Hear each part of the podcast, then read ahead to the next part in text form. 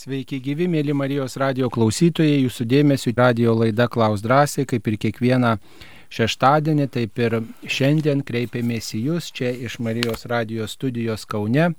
Šiandien Marijos radio studijoje didįjį šeštadienį atsakyti Jūsų klausimus atvyko Baptų e, Šventųjų apaštalų Petro ir Povilo bažnyčios klebonas, kunigas, teologijos licenzijatas Žilvinas Zinkevičius, garbėzui Kristui. Per amžius amen. Taigi ačiū, mielas kunigė, kad atvykote. Aš tai ir didįjį šeštadienį, kai e, ir parapijoje tokių pasiruošimo darbų yra. Jūs turbūt e, dar ir turite aptarnauti koplyčią, nukryžiuotojo Jėzaus koplyčią Muniškėse, ar ne? Taip, ir Panevežiuko parapija. Ir Panevežiuko parapija. Taigi Kaune Kauno rajone yra kelios parapijos, kurias kunigas Žilvinas Zinkevičius aptarnauja, taigi ypač sveikinam šį rytą tų parapijų žmonės ir kviečiam dalyvauti pamaldose, Velykų pamaldose, Velyknakčio pamaldose, kurios Velyknakčio pamaldos 9 val. šį vakarą. Panevežiuko parapijai 5 vakare, o Baptose 8 vakare. Taip, o Velykų ryto mišios? Baptose 8 ryte, Panevežiukė 10, o Muniškėse 12. Tai va tie, kurie kilę yra iš tų parapijų, tai irgi galite nuvykti į tuos kraštus, visada yra miela turbūt apsilankyti tose bažnyčiose, kur meldėsi mūsų tėvai, seneliai ar proseneliai ir kažkaip, na, paragauti tos nuotaikos, šventinės nuotaikos, kuri m, mm, tam tikra prasme išlikusi net ir nuo anų laikų.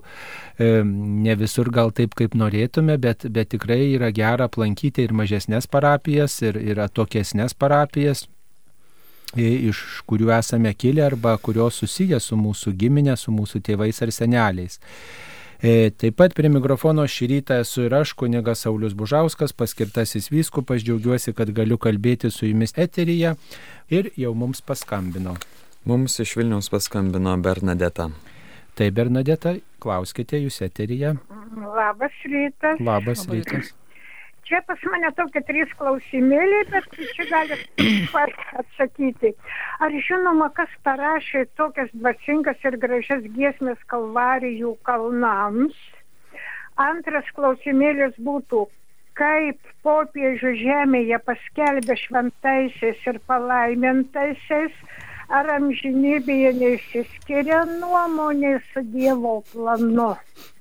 Ir mažyti ištraukyti iš teksto mm, maža, maža tekstų ištraukyti. Dievas norėjo, kad jis kentėtų. Va čia mane labai tas va trumpas, nežinau ten toliau, bet, bet va tą trumpai ištraukyti. Gal galit Dievas priminti, gal galit priminti, iš kur šitą ištraukėlį?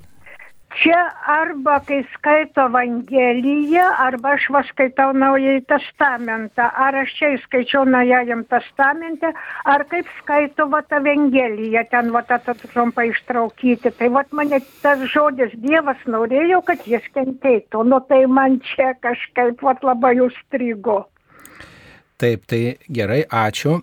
Tu pabandysim atsakyti į, į šiuos klausimus. Taigi, e, kunigė Žilvinai, į kurį klausimą pirmiausiai galėtume atsakyti.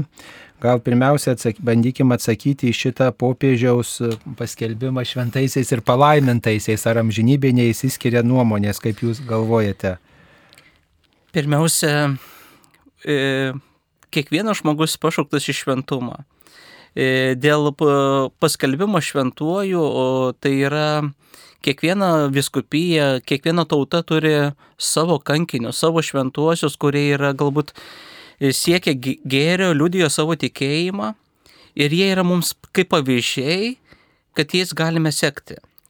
Mūsų tauta turi palaimintai Jurgį Matolaitį, palaimintai Teofilių Matulionį, dabar keletą bylų yra užvesta, kad paskelbtų kitus palaimintaisiais, bet jie yra mums pavyzdžiai. E, kad paskelbti šventuoju arba palaimintuoju, pirmiausia, reikia surinkti duomenis apie juos, apie jų galbūt e, padarytus darbus, apie jų e, tikėjimo liūdėjimą. Ir tik tada po to įvykdu, įvykus tai procedūrai pateikimo teikiama duomenys į Vatikaną, šventųjų paskelbimo kongregaciją Ir tik po to, po kurio laiko, tada jau jeigu jie priema, tai popiežius patvirtina vieną ar kitą e, palaimintai ar šventai paskelbė, pirmiausia, skelbiant šventoji turi būti dar ir kad įvyko į tą, kreip, melžiantis į tą žmogų įvykė stebuklai. Ar, pavyzdžiui, iškyjo žmogus iš kažkokios nepagydamos lygos, ar e, kažkas kitas, pavyzdžiui, būna tai, kad moteris jau, galbūt jau medikai buvo sakę, kad negali susilaukti vaikų, o ima ir susilaukia. Galbūt meldėsi vieną ar kitą šventąjį, užtarėję kažkokį. Ir Dievas va, per tuos užtarėjus, per tuos šventuosius yra, kaip sakant, jie yra mums pavyzdžiai, kad į juos mes galime kreiptis. Užtarimo, maldos. Jie buvo tokie patys žmonės kaip ir mes. Ir mes kiekvienas esame pašaukti būti šventaisiais. Dangoje visi yra lygų, žinokit. Ar, ar Petras, ar Antanas, ar, nežinau, kokia kaimo staselė, visi yra lygus ar tu būsi paskelbtas bažnyčios palaimentuoju ar šventuoju, ar nebūsi paskelbtas tuo palaimentuoju šventuoju, tai tikrai tos vertės danguje nenuvertės. Pavyzdžiui, visų šventųjų dieną, lakučio pirmą dieną mes švenčiame ir minime tuos, kurie yra paskelbti bažnyčios, bet melčiamės ir už tuos, kurie nepaskelbti šventaisiais, bet gyveno šventą gyvenimą. Tai sakyčiau toks atsakymas į šitą klausimą. Taip, e, žinot, kaip čia pasakyti, už tai tos bylos yra ir tyriamos ilgus metus ir, ir daugybė žmonių yra apklausima, daugybė žmonių dalyvauja toje istorijoje ir e, tiesiog nėra taip lengvabūdiškai skelbiamas vienas ar kitas žmogus palaimintuoju ir šventuoju. Ir e, ištyriami ir jo raštai, ir, jo, ir, ir tie, kurie galėtų paliūdyti apie jį, ir visada ieškoma, kaip sakant, e, kaip čia pasakyti, kompromato tokių ir, ir neigiamų savybių, ir paprastai visada kažkas yra atrandama, kažkokia savybė, trūkumėlis to žmogaus įda, iš kurios jis galbūt kilo, kurią jis norėjo ir pašalinti, ir, ir taip tas šventasis būna dar arčiau arčiau mūsų visų, kurie turim visokiausių įdų ir trūkumų. Taip. Tai e, žinoma, mes iš, tie, iš tiesų tai iki galo nesuprantam Dievo plano ir Dievo, dievo tos e, vizijos e, ir, ir to atsakymo galutinio, tačiau mes tikim, kad jeigu žmogus gyveno pagal Evangeliją, jeigu jis gyveno pagal bažnyčios mokymą, jeigu turėjo pasiaukojimo dvasios, jeigu tarnavo žmonėms tikrai tokia didelė meilė, tai net jeigu yra ir jo gyvenime trūkumų arba kažkokių kažkokių e, e, minusų, ne, bet jeigu žinom, kad tas žmogus atgailą išgyveno, gyveno tokiu atgailos nuotaikoje, maldingą gyvenimą gyveno, tai, tai tikrai galime sakyti, pagristai sakyti ir ypač tą paliudyję autoritetai, šventųjų skelbimo kongregacija, kuriai popiežius patikėjo visą šitą reikalą, e, tai tikrai gali sakyti autoritetai, kad tas žmogus e, na, yra dangui, nes jo gyvenimas atitinka Evangeliją ir neradom nieko, kas būtų, kas būtų priešinška Evangelijai. Jeigu ir pasitaikė kokių klaidų, tai supratom, kad tas žmogus atgailavo, kad tas žmogus ėjo susitaikinimo sakramentų, kad jis taisėsi, kad jis darė gerus darbus. Tai e, nors ir nežinom,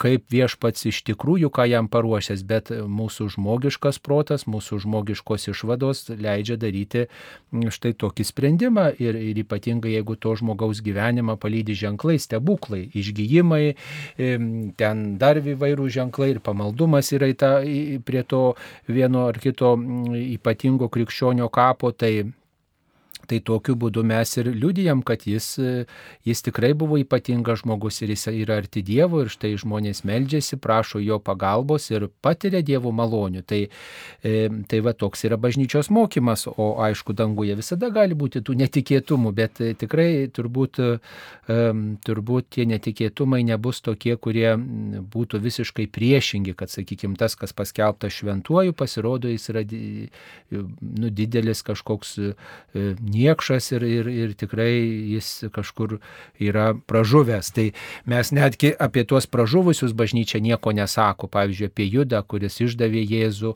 ir apie kurio istoriją šiais, šiomis dienomis apmastom. Nieko neapsako bažnyčia, o tik tai tiesiog priima tą išdavystę ir, ir, ir jo tą apmaudą priima ir vat, na, sako, kad reikia tikrai net ir taip pasielgus atgailauti. Ir mes nežinom, kokia ištarmė Judo atžvilgių yra iš viešpaties širdies girdės iš viešpaties lūpų. Mes tikim, kad viešpats jam vienam žinomu būdu e, galbūt tą žmogų pasivėja kažkur ten ar ne ir, ir, ir, ir tą atgailą iš jo tiesiog, na, išprašo, jeigu taip galima pasakyti, tiesiog įkalbina jį, kad tas žmogus tikrai suprastų savo neigiamo poelgio e, pasiekmes ir, ir, ir tikrai, kol dar gali, sakytų viešpatį atleisk. Tikrai mes nežinom tuo momentu ir dėl to bažnyčia sako, kad tas ar tas yra dangu, nes jo gyvenimas atitiko Evangeliją, bet ne vieno nepasako, kad tas ar tas yra pragarė, nes nežinom, ką žmogus sakys savo paskutinę e, mirties valandą. Taip, dabar mm, dar e, viena e, jūsų žinelė apie mm, sakinį iš švento rašto. Dievas norėjo, kad jis kentėtų negalę. Tai šitas tekstas yra e, pranašo Izaijo knygoje 53 skyriuje, kuris buvo skaitomas didįjį penktadienį. Labai graži ištrauka apie kenčiantį Dievo tarną.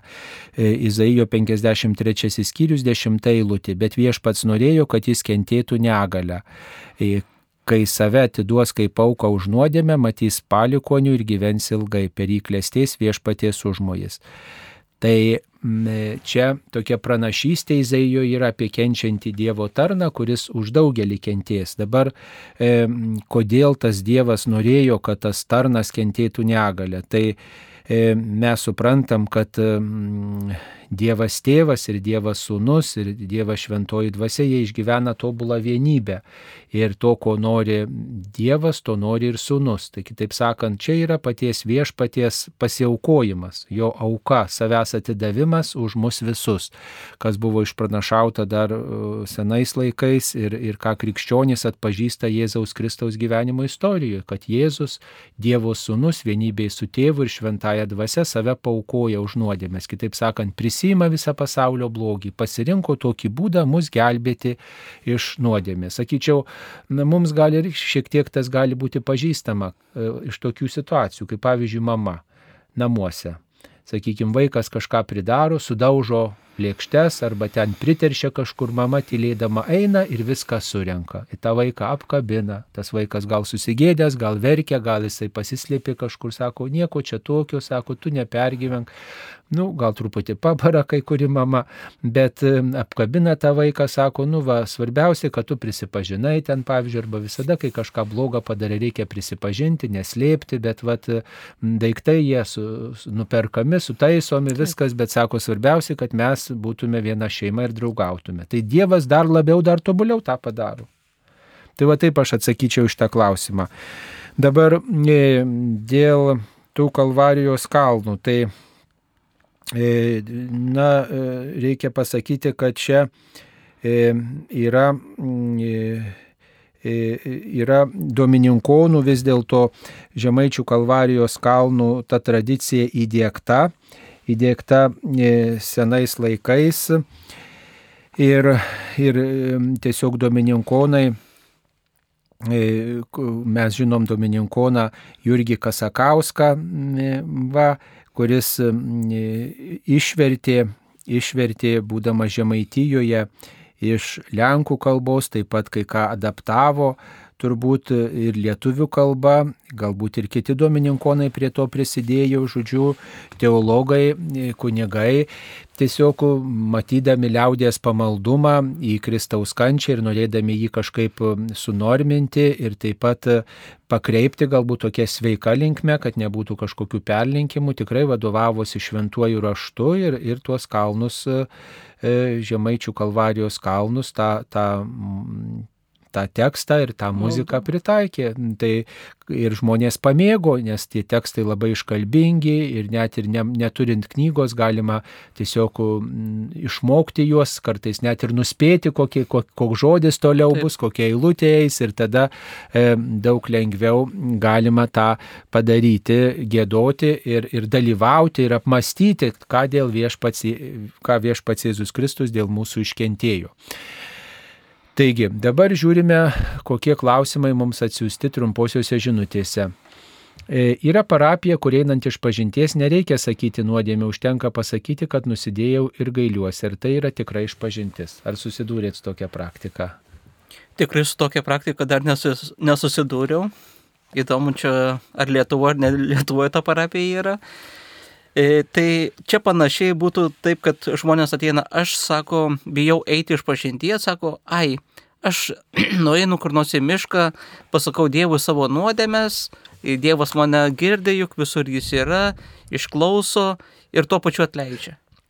Ir, bet e, čia yra tie, kurie bando kaip sakant, pateisinti savo polgius, kodėl neina vieno iš pažinties, kodėl nešvenčia sakramentų ir panašiai.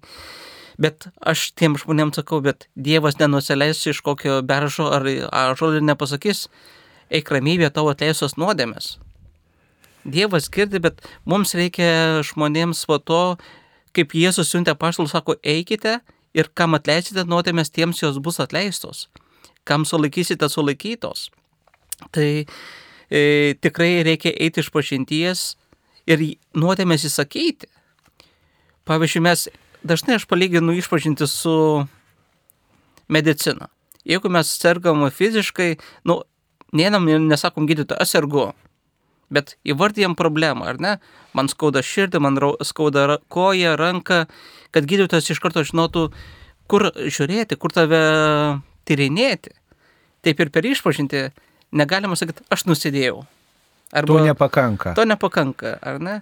Reikia įvardinti ten, kur tu esi dvasinis ligonis, kur tavo yra tos įdo žaizdos, kad jas viešpats išnaikintų, kaip sakau, kaip chirurgas galbūt net išpjaustytų, kad tikrai tau e, neskaudėtų. Taip, tam išpažintis ir skirta, matot, užtenka, jeigu jūs norit pasakyti gailiuosi, tai tą mes padarome mišių pradžioje. Prisipažįstu visą galiam Dievui, muždamiesi į krūtinę, tokia išgyvendami atgailą visi draugė, taip pat ir prieš komuniją viešpatė nesuvertas, kad ateitum į mano širdį kunigas, taip pat mūsų visų vardų, už mus visus, perskaitęs Evangeliją, už mus pasimeldžia, e, Evangelijos žodžiai ten naikina mūsų klaidas, vat, maždaug tokiu tekstu Taigi, mm, e, e, tai jeigu jau einam iš pažinties, tai čia yra konkrečiai išpažinti maždaug apie ar, ar vieną tai kartą, ar buvo, ar bent keletą kartų tai kartojusi, kad būtų kunigui aišku ir ta tiesa išlaisvina, tiesojasi. Ir kitas dalykas, kad tai yra nuolankumo pamoka, piktasis nenori nuolankumo e, piktasis nenori nuolankumo, bet jisai nori, nori, mm, nori kad mes būtume išpuikę, kad mes kitą smerktume, teistume, niekintume. Tai va. Ir, ir tai yra tikrai proga, einant iš pažinties, būti tiesoj. Būti tiesoj ir ta tiesa teikia laisvę, stiprumą ir mes pasitikim Dievu, mes e, parodom savo gyvenimo klystkelius ir viešpats tikrai, va, kaip ir kunigas sako, gydo. Taip, dar vienas klausimas apie e, Baptų ir Panevežiuko kraštą. Iš babtų kartą pasukęs nuo šaliais keliais per panevežiuką skaisgirius beveik miškų lūdumoje netikėtai radau bažnytėlę, o gal tai tik koplyčia. Vietovė vadinasi Šaravai, rajonas Kidainių. Ar tai bažnyčia ar koplyčia, kokia ten parapija, koks dekanatas, iš kur atvažiuoja kunigas, vietinio tikriausiai nėra. Tikrai vie, žinau aš tą parapiją, nes kartais kaip jaunuoliai ruošiasi tuoktis, e, gaunam pranešimą, kad va ten toj parapijoje žmogus yra pakrikštytas. E, ta parapija yra de, Kedainių dekanatui priklauso. E, jinai aptarnaujama, jei neklystų, Josvainių. Josvainių. Josvainių tai parapijos. Taip, jos, antroji Josvainių parapijos bažnyčia. Kedainių rajonas.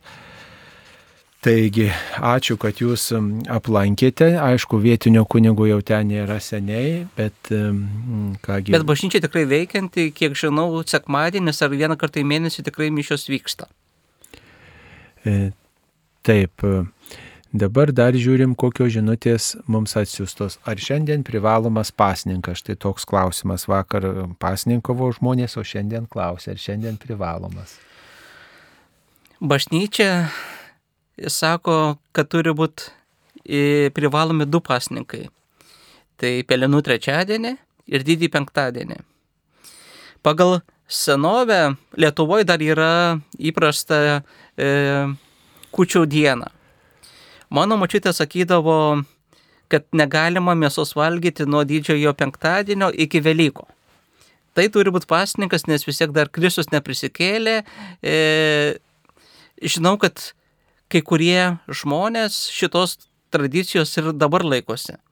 Tai, tai sako, važiuojam ten į Velyknaktį, kur anksčiausiai, kad grįžę galėtume jau mėsos valgyti. Prisikirsti mėsos. kad jau, nes mums Kristus prisikėlė, o kitiem dar laukia prisikelimo. Taip, tai čia toks yra, kaip sakant, truputį manipuliavimas, taip, ar ne? taip, taip. Bet, Bet iš tikrųjų taip. Tikrai šiandien nėra pasniko, neprivaloma šiandien pasnikas. Bet žinodami, kokia, kokia yra situacija pasaulyje, tikrai sakyčiau, susilaikykim nuo mėsos taip jau geravališkai. Taip. Ir nuo tokių prabangesnių valgių, nuo smaližiavimo, galbūt saikingiau užvalgykim šiandien, e, nuo bendrystėje pasilikdami su tai žmonėm, kurie, pavyzdžiui, Ukrainoje karo sąlygomis vargsta ir, ir kituose kraštuose vargsta.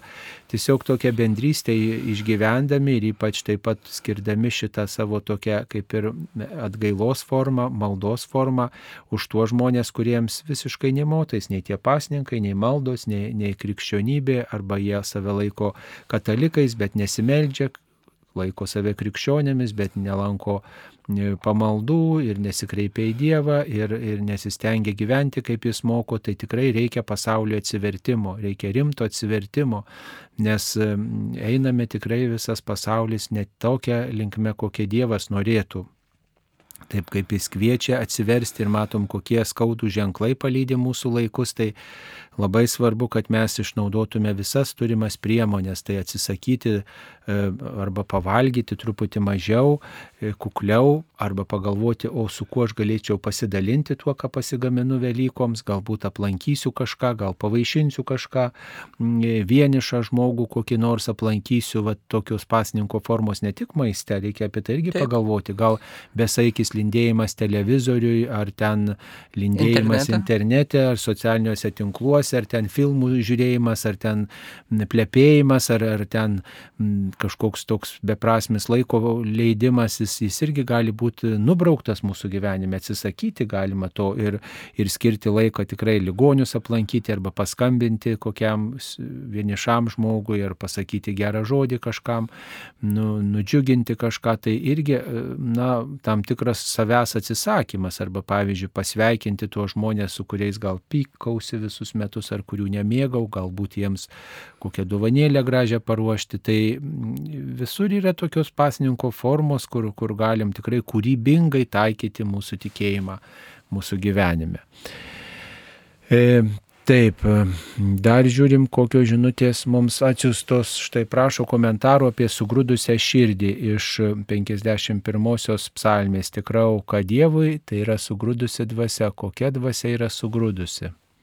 Nu tai ta dvasia, kurio yra nuolankumo, kuri nesipuikuoja, nesididžiuoja, koks aš čia šaunus, koks aš čia geras, kiek čia daug pasiekiau, kaip čia man viskas gerai klojasi, bet ta, kuri sako viešpati, ačiū tau už viską, jeigu kas pasisekė, tai yra tau garbė, tai yra tavo dovana. Ir atleisk viešpatė, kad aš galbūt netinkamai ją priimu, gal aš e, ir kitus žmonės įskaudinu, tikrai nedrįstu die vertintis prie tavęs esu mažas, silpnas žmogus, tas nuolankumo suvokimas, tas e, savo mažumo supratimas, savo ribų e, atradimas, tai yra sugrūdusi širdis, nebent kunigė dar ką pridėtumėt. Tai tikriausiai tas, kad nuolankumas pirmiausia yra, kad žmogus pripažįsta, koks yra, nepasikėlęs, kaip va, kunigas Saulis sakė, o paprastas, nuolankus ir taip viešpatė, aš esu netobulas, bet pripažįstu savo netobulumus, tobulink mane, keis mane ir kad, nu, kad nebūtume į puikybę tą pakilę mes. Taip, mums paskambino. Kasgi paskambino? O mums iš pasvalio paskambino Zigmas. Taip, Zigmai klausti. Labas rytas. Labas rytas. Aš norėčiau paklausti kelis klausimus. Čia mums su draugais susiginkim truputį apie Velykų tą prasme, jos kilmę, kodėl jos yra kilojamos, kad kaip yra Kristaus prisikėlimas suristas su kiaušinių dažymu, nuo kada jos ten yra skaičiuojamos, kažkas sako, su, manėl, su menulio fazijom turistas yra. Ir, ir kitas klausimas, tai Marija yra šventoji ar palaimintoji? Nes malda ten sako Marija šventoji Dievo motina. bet kaip sako, jie nėra šventoji, tik tai palaimintoji yra. Ar yra čia koks skirtumas ar ne? Taip, gerai.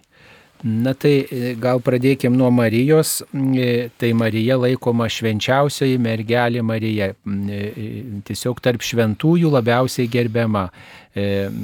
Kaip ta, kuri buvo indas Jėzui, kuri buvo iščios Jėzui, kuri išnešiojo viešpati Jėzų, padovanojo viešpati Jėzų pasauliui, davė Jėzų žmogystę. Ji yra apsaugota nuo pirmosios e, tos nuodėmės, kurią padarė Domas ir Jėva, nuo to neklusnumo, maištavimo, sukėlimo, dėl to e, ji ir ypatinga žmogus mūsų tikėjime. Ir jinai yra laikoma ne tik šventaja, bet švenčiausiai mergelė Marija, reiškia tarp šventųjų labiausiai šventa, jeigu taip pasakytume paprastai. O dabar tas žodis palaimintoji, tai reiškia, galima irgi kartais maldose tą užtikti, kad palaimintoji mergelė Marija, tai, e, tai reiškia, kad ji iš tiesų apgaupta ypatinga Dievo palaima. Tai nėra tas rangas, kurį turi arba e, kuriuo kreipiamės į palaimintuosius, pavyzdžiui, palaimintasis Teofiliau. Tai turime galvoj, kad jis yra e, vat, išaukštintas kaip kankinys, bet laukiam jo pripažinimo šventuoju čia žemėje, laukiam stebuklų, laukiam nu, vat, kažkokių ypatingų ženklų ir, ir, ir tai yra toks kelias į šventumą va, mūsų supratimu. Bet kai sakom palaimintoji mergelė Marija, turim truputį ką kitą galvoj, turim galvoj, kad ji regi viešpati ir ji apgaubta ypatinga palaima. Čia tokie truputį skirtingi dalykai. Vienas aspektas, kai kalbam apie žmonės, kurie, e, kurių šventumą svarstome, kad štai jau yra ypatingų ženklų ir vat, jį galime skelbti palaimintuoju. Ir kai kalbam apie tuos, kurie jau regi viešpatį, apibūdinam, kad jie apgaubti ypatinga viešpaties globa ir, ir, ir, ir turi tokia ypatinga dovana būti viešpaties artumoje tai net kai kurie ir siūlo versti e, šitą palaimingiai, sako, ne palaiminti, bet palaimingiai sakyti, tai e, palaimos apgaupti apie tuos, kurie jau e, yra viešpaties globoje ir patiria ypatingas Dievo dovanas. Tai va toks būtų skirtumas. Čia tas palaimintoji mergelė Marija tai yra iš latiniško pasakymo Beatus Virgina Marija. Tai Ten nėra taip, kad e, labai retai atrasi, kur sanktiks, e, sanktisima Mar, Mar, Marija mergelė. Tai būtent, e, bet vis dėlto vis tiek Marija yra aukščiau už e, visus e, kitus e, palaimintuosius ar šventuosius, nes jinai pirmoji paimta su kūnu ir siela į dangų. Kaip sako mūsų tikėjimo iš tikėjimas, tikėjimo dogmą, Marija už savo ištarimą viešpaties prieimimui taip, būtent tapo tą švenčiausią, kaip mes lietuvių sakom, švenčiausią mergelę Mariją. Taip, dabar apie Velykų datą. E, e, tai dar gal pirmiausia trumpai atsakysim apie Velykų datą, o tada išklausysim, kasgi mums paskambino. Tai Velykų data e, švenčiama pagal kalendorių e, nuo ketvirto amžiaus pagal mėnulio kalendorių, nes pagal mėnulį yra skaičiuojamas laikas, reiškia keičiasi mėnulio fazės ir tada mes skaičiuojam, reiškia, laiką. Ir anksčiau žmonės, ypač rytų kraštuose, e, galėjo orientuotis ir, ir dabar netgi vat, žmonės žino, kad tas mėnulio kalendorius irgi turi tam tikros, na, mėnulio tautų fazių kaita turi tam tikros reikšmės, reiškia, mūsų Žemėje. Na, mes esam susiję planetą ir su kitom planetom vienai par kitaip, tai, tai čia tas yra, turi senus papročius, čia nėra astrologija, čia yra yra daugiau fizika, fizika, ne kad e, e, yra tam tikri, reiškia, sąveiai, kad yra Žemės trauka, yra, yra taip pat ir, ir planetų tam tikras santykis, ne. E, tai dėl to tas minulio kalendorius buvo svarbus ir Velyko švenčiamos pirmą sekmadienį po pavasario lygiadienio. Va. Ir mm, Stojus maždaug, pilnačiai. taip, stojus pilnačiai, kai jis tik tai būna pilnatis, nu, tarp e, e, kovo Kovo 21 21 iki balandžio Balandžio 23 23, turbūt. taip, apie tą laiką maždaug. E, mm, Tai e, aišku, e, toks skaičiavimas gal kelia tam tikrų komplikacijų, e, va, kai, kai sakykime, yra tam tikrų paklaidų, kai tie kalendoriai kitose bendruomenėse truputį kitokie yra, tai yra vis kalbama, galbūt reikėtų visiems krikščionėms sutarti dėl vieningos datos ir ta šventė gali būti ir nekilnojama. Čia mums e, gal netaip svarbu, e, kada ta šventė švenčiama, bet kad švenčiama, ne? Taip. E, Čia tos tradicijos e, gal skirtingos buvo ir tie kalendoriai skirtingai yra traktuojami, bet e, mums turbūt daug svarbiau yra, ką jį reiškia, kad tai tikrai yra istorinis faktas, kad Kristus prisikėlė ir, mm, ir, ir tiesiog jį, jį minėti ir tam įvykiui ruoštis, va tai yra svarbiau. Va. O ar ten minėsim vieną sekmadienį su vienais krikščionėmis, ar kiti krikščionys pagal kitokį kalendorių kit, mini kitą sekmadienį, tai nė- nėra esminiai klausimai. Daug svarbiau, kaip, kaip aš tą šventę švenčiu ir kaip aš jai pasiruošiu. Va į tai reikia kreipti dėmesį. O, o pati ta šventė reiškia Kristaus prisikėlimą. Jis švenčiama buvo kaip perėjimas, kaip perėjimas iš Egipto nelaisvės, iš, iš vergovės, iš, e, iš tokios priespaudos į pažadėtą laisvę. Ir e, tą reiškia, šventę šventė žydai, kaip perėjimą iš Egipto į pažadėtą žemę. Kristus taip pat, būdamas žydas, tą šventę šventė, bet jisai tom šventėm tokį dar naują prasme suteikė, kad ne tik tai iš geografinės žemės pereinam iš vienos teritorijos į kitą, bet pereinam iš nuodėmės į amžiną gyvenimą, į gyvenimą su Dievu, į gyvenimą Dievo karalystė, į Dievo tautos gyvenimą. Ir tą primena mums krikštas ir mes švesdami tikėjimo įvykius, ypatingai kiekvieną sekmadienį, prisimenam, kad esam Kristaus sekėjai ir išgyvenam taip pat jo perėjimą iš mirties į gyvenimą, iš e, nuodėmės į laisvę. Taip, mums paskambino. Mums paskambino iš kelmės Justinas. Taip, Justinai, klauskite, jūs eteryje Garbėjai Kristui. per amžius. Pir- Pirmiausia, tai norėčiau paklausti.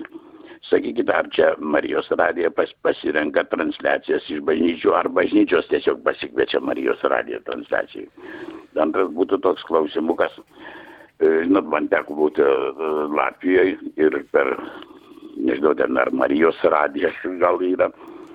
Tai būna toks koncertas, kad linkime pasveikti, sukalba maldelę, ten gal kokią trumpą giesmelę kažkokią tai pagėda, ar Marijos radijas neplanuoja tokių daryti, tokį renginuką, kaip linkime pasveikti, nes žmonės daug kas klausos Marijos radiją ir ligoniai ir viską, manau, kad tokia laidelė, laidelė būtų tikrai įdomi.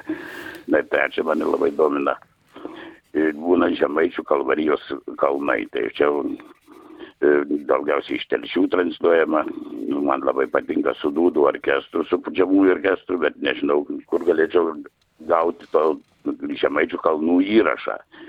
Ir dar buvo toks įdomus, dar būtų pastebėjimas. Žinau, kad prienuose niekas negėda kal, žemaičių kalnų, bet gėda rožinį. Bet aš nesu girdėjęs per Marijos radiją, kad būtų gėdamas rožinis. Ačiū labai, su Dievu. Sudė.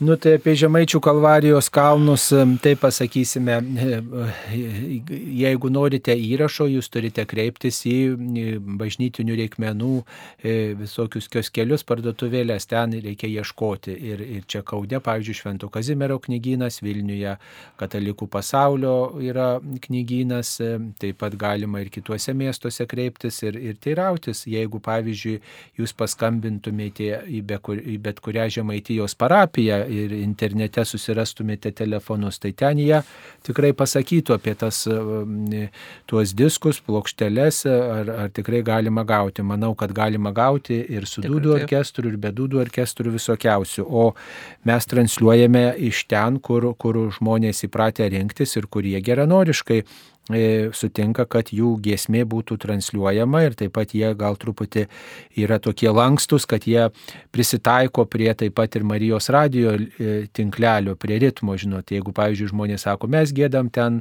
vat, būtent tokią valandą, o mums, pavyzdžiui, norisi, kad truputį dar ir pamaldą suspėtume ištransliuoti ar panašiai, tai jie yra lankstus tie žmonės, sutinka ir, ir mes sutarėm, kad būtent iš jų būtų transliuojama. Dabar dėl mišių transliacijų tai yra įvairiai. Yra, kur kunigai sutikę, klebonai sutikę, kad iš jų būtų transliuojama, galbūt iš pradžių jie kreipėsi, į kai kuriuos kunigus mes esame kreipęsi ir, ir, ir, ir tiesiog prašę, kad galbūt iš jų būtų galimybė transliuoti. Tai čia yra toks abipusis sutarimas. Va, vieni kunigai geranoriškai sutinka, kiti nenori to tiesioginio eterio, jaučia didelį stresą kreiptis į tūkstančius klausytojų, kurie klausosi ir jie nenori tų papildomų tokių rūpų rūpeščių, tai, tai tada iš tų vietų nėra transliuojamos e, šventos mišios arba atlaidai, o kiti geranoriškai sutinka, jie nori, kad tikėjimo žinia būtų skel, skelbiama, tai, tai tada su jais ir bendradarbiaujame. Dabar dėl rožinio gėdojimo, matot, rožinis e, gėdamas dažniausiai yra laidotuvių proga arba minint mirusiuosius.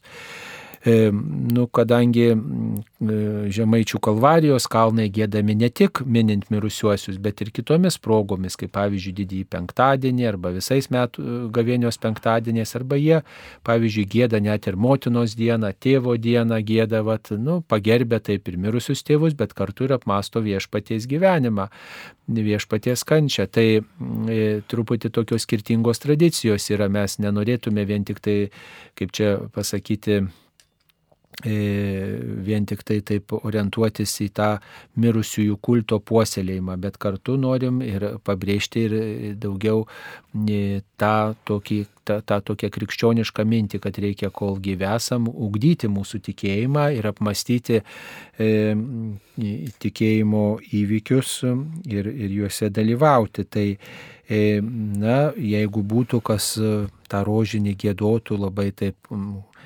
kokybiškai, tinkamai, galbūt būtų įmanoma kažką svarstyti ateityje. Lygiai taip pat ir tas linkime pasveikti. Kažkada Marijos radio eterija buvo tokių laidų, kai žmonės skambino, meldėsi kartu, bet na, ne visada tas buvo sklandu, ne visada tai e, buvo mm, visiems priimtina, kiti dėl to piktinosi, kaip čia, aiškiai, žmonės nori melstis eteryje, o, o, o kad ten melstusi kažkas už ligonius, kurie paskambina, tai tikrai mes tą laidą turime. Tai yra pirmadieniais e, e, laida vakarais, kai galima skambinti į eterį ir melstis kartu ir prašyti maldos ir išsakyti savo kažkokią intenciją. Tai... Aš dar noriu pridėti prie rožinio ir kalvarijos kalnų gėdojimo. Tai yra tik tai to krašto tradicija. Pavyzdžiui, tikrai Kauno aplink Kauną niekad, niekas negėda Kalvarijos kalnų, o visą laiką gėda, kaip kunigas Saulis sako, Mar, e, Merkelės Marijos rožinė arba Jėzus vardo rožinė, ar tai būtų šermenis, laidotuvės ar e, kažkokios paminėjimo, mirties paminėjimo diena. Tai čia yra vietos tradicija, o aš manau, kad telšiuose, žemaičių kalba, e, viskupijoje, telšių viskupijoje tai net nėra gėdama rožinės, ten kalvarijos kalnai. Tai Taip. įprotis. Skirtingos tradicijos įvairiuose regionuose. Taip. Mums paskambino. Mums iš Žemaitijos paskambino Antanas. Taip, Antanai, klauskite, jūs eteryje. Gerą rytą. Gerą rytą. rytą. Aha, čia ramybė visiems, kurie klausos. Aš ten nugirdau per Marijos radiją tokį mintį. Jeigu vaiko širdelė būnant motinos iščiusios sustoja, jis reiškia numiršta. Tai ten jeigu jau daugiau negu 3 mėnesiai vaikas buvo, reikia įlaidoti, o jeigu jau mažiau kaip 3 mėnesiais galima išmesti šiukšlinį kanalizaciją, jis jau kaip ir ne žmogus. Bet juk dievų negalimų dalykų nėra. Ar vaikas 2 gramai sveria, ar 20, ar 200 gramų ar du kilogramai, vis tiek Dievas paskutinį dieną jį atsives. Mums katalikams netekti ištaškyti savo vakus. Vis tik reikėtų turėti būti grabėlis, turėtų būti būt vaks palaidot. Aikas, aš ne apie tas moteris, kurios į velnių prisėstų. Kad ten iškius gyvas, su karpa po žirklėms ir išmeti kanalizaciją, čia jau visai demonų darbas, bet aš kalbu, kad Marijos radijo prisimint negalėtų skambėti, kad jeigu vaikas dar neturi, tai reiškia, trijų mėnesių ten širdelės užstojo ir ir jis kapelio neturi ir jo kaip ir nėra. Bet teismo dieną Dievas atsives visus, tai bus didelį gėdą tiems Taip, taip. kurie bus įsdrapti savo akcijai. Taip, supratom, supratom jūsų mintį. E, Na tai reikėtų pasižiūrėti tiksliai, dabar neprisimenu, kokiam kontekste ten ta mintis nuskambėjo, galbūt tai buvo konstatavimas esamos padėties, taip kaip būna, o, o, ne, o, ne, o ne sakymas, kad taip turėtų būti, kad taip reikia daryti, ar taip katalikai, e, katalikai daro. Tiesiog, žinot, net ir šventam rašte parašyta tokia mintis, Dievo nėra. Jeigu tai pasakysim, tai, žinot, ir per Marijos radiją gal nuskamba tokių minčių, kad Dievo nėra, bet jeigu išplėšiam tą sakinį iš konteksto. Pasakė kvailys. Taip, taip, skamba žiauriai, bet visas kontekstas koksai, kad tai pasakė kvailys, kad Dievo nėra.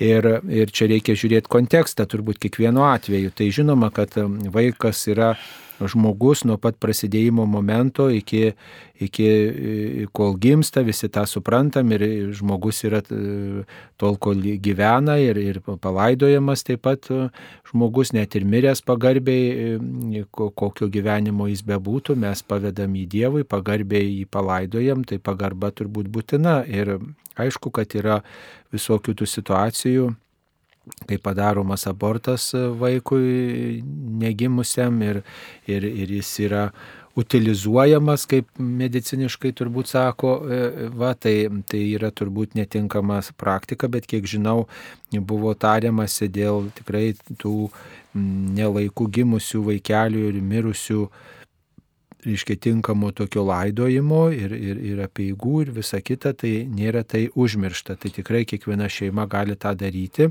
Man teko per savo kunigysės tą jau 11 daugiau metų e, patirti, tai laidoti du e, negimusius e, vaikus. Nu, tiesiog jie mirė ir juos vis tiek turėjo mama pagimdyti. Tai teko du juos laidoti, bet tikrai laidojau kaip įprasta, iki septynių metų meldėsi mišios aukojimas ne už tą mirusį žmogą, žmogų, o už jo šeimą, už tėvus, už kitus šeimos artimuosius, bet tu tikrai laidui tą žmogų, tą negimusi kūdikėlį arba gimusi, bet negyvą, laidui į kapines, kaip įprasta, tikrai pirmą kartą išgirdau, kad trijų mėnesių jau gimęs kūdikis negali būti laidojamas. Taip, mums paskambino. O mums paskambino iš telšių Margarita. Taip, klauskite, Margarita, jūs eterija. Garbėjai Zikristai. Per amžius. Klausytojas klausė čia dėl Kalvarijos kalnų. Turiu pasiūlymą.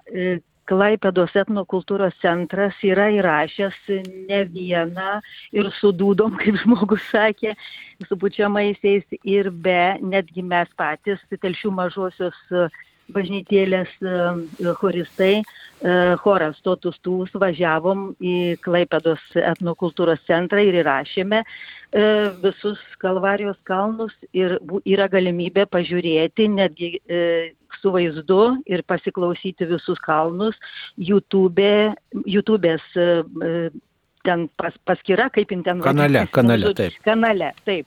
YouTube'ės kanale. Tai va, tai tiek tiek norėjau pasakyti Ačiū ir jums, jums gražių švenčių. Ir jums taip pat. Tai tikrai, va, matot, primena klausytojai, kad tą galima rasti mūsų internetinėje erdvėje, galima tikrai rasti labai gražių krikščioniškų dalykų ir tai būtų prieinama visiems įvairiomis aplinkybėmis. Gerai, žiūrim, kokios žinutės mums dar atsiustos. Ar didžiausias nusidėlis, kuris nepažino Dievo, jį atmetė, skleidė blogį kitiems, vogė, žudė, mirties patalė suprato, kad blogai elgėsi, gailisi, ar jis bus dangaus karalystėje. Tai jau čia toks turbūt ir teisimas maždaug, kaip drįsta Dievas priimti tą, kuris mirties Taip. valando išdryso gailėtis. Bet vis dėlto reikia pripažinti, kad jeigu jo gailestis buvo tikrai nuoširdus ir jeigu jis iš tiesų atgailavo, tai kas galėtų jį smerkti? Ar jūs galėtumėt pasmerkti ir galų gale, ar jūs, mėloji Irena, čia kaip pasirašėte, esate visiškai tikra, kad jūsų gyvenimas yra geresnis už to didžiausio nusidėlio, nes kartais tas žmogus, kuris laiko save teisuoliu, nieko blogo nedarau, nevogiu, nežudau, ar ne jis jo puikybė, jo išdidumas, ar nėra kartais blogiau už tą, kuris gal ir suklupo, gal ir buvo suvedžiotas, gal ir apsigavo, bet iš tiesų paskui gailėjosi. Tai žinot, mirties valandoje mirtis visus sulygina. Mes visi, prieš, tik vienas Dievas mato, kodėl tas žmogus vogė, žudė, skleidė blogį. Gal jo tiesiog tėvai tokie buvo arba ne, neturėjo gerų auklėtojų, gerų pavyzdžių ir, ir, ir tiesiog kai pasiklausai tų nusikaltelių istorijų, supranti, koks jisai sužeistas žmogus buvo nuo mažens, koks jisai sužeistas. Viena tokia tikrai istorija, žinau, kad serijinis žudikas, kuris serijinis žudikas buvo, kuris nužudė daugybę žmonių per, per, per, per visą, net per kelias šalis. Ir jis nedryso perėti bažnyčios lenkščio ir asmeniškai man teko jį sutikti, su juo kalbėti, su tuo serijiniu žudiku ir kalbėtis kaip kunigui ir visą žinot ir dabar pagalvokit savo, tai ką mes dabar mes, kokį nuosprendį jam pasakytume, mes į miltus norėtume sutrinti. Bet e, jei ta žmogus iš tiesų atgailavo ir matytumėt, kokia jo atgaila buvo ir kaip jisai kaip jisai išgyveno dėl to, ką padarė ir kaip jis artinosi per bažnyčią, tai ne prie bažnyčios, prie Dievo, tai čia neužtektų iš tos laidos visą istoriją išpasakot. Tai tik Dievas mato širdis, jeigu žmogus gailisi, bažnyčia kviečia e, tą atgailą priimti ir atleidžia žmogui, kuris gailisi kuris nuoširdžiai gailisi ir tik vienas Dievas gali spręsti, ar tas žmogus nuoširdžiai gailisi ar ne. Nebūk... Ta pati Marija Magdalietė, pažiūrėkime, net šventam rašte yra sakoma, kad jį turėjo padariusi daug nuodėmių, viešpas iš jos buvo išvaręs septynis demonus, bet jį gailėjusi jos gyvenimas pasikeitė ir ji tapo šventąją. Tai Taip. niekad nėra per vėlų, kol tu esi gyvas keisti savo gyvenimą. Ir tai yra šansas, žinokit, mums visiems, ne tik tai tiems didiems nusidėlėms, kurie vagia žudo, žinokit, jeigu aš, pavyzdžiui, apkalbinėjau kitą, išaipausi iš kito, ar aš nesu tas pats žudikas. Žinot, kartais, Taip.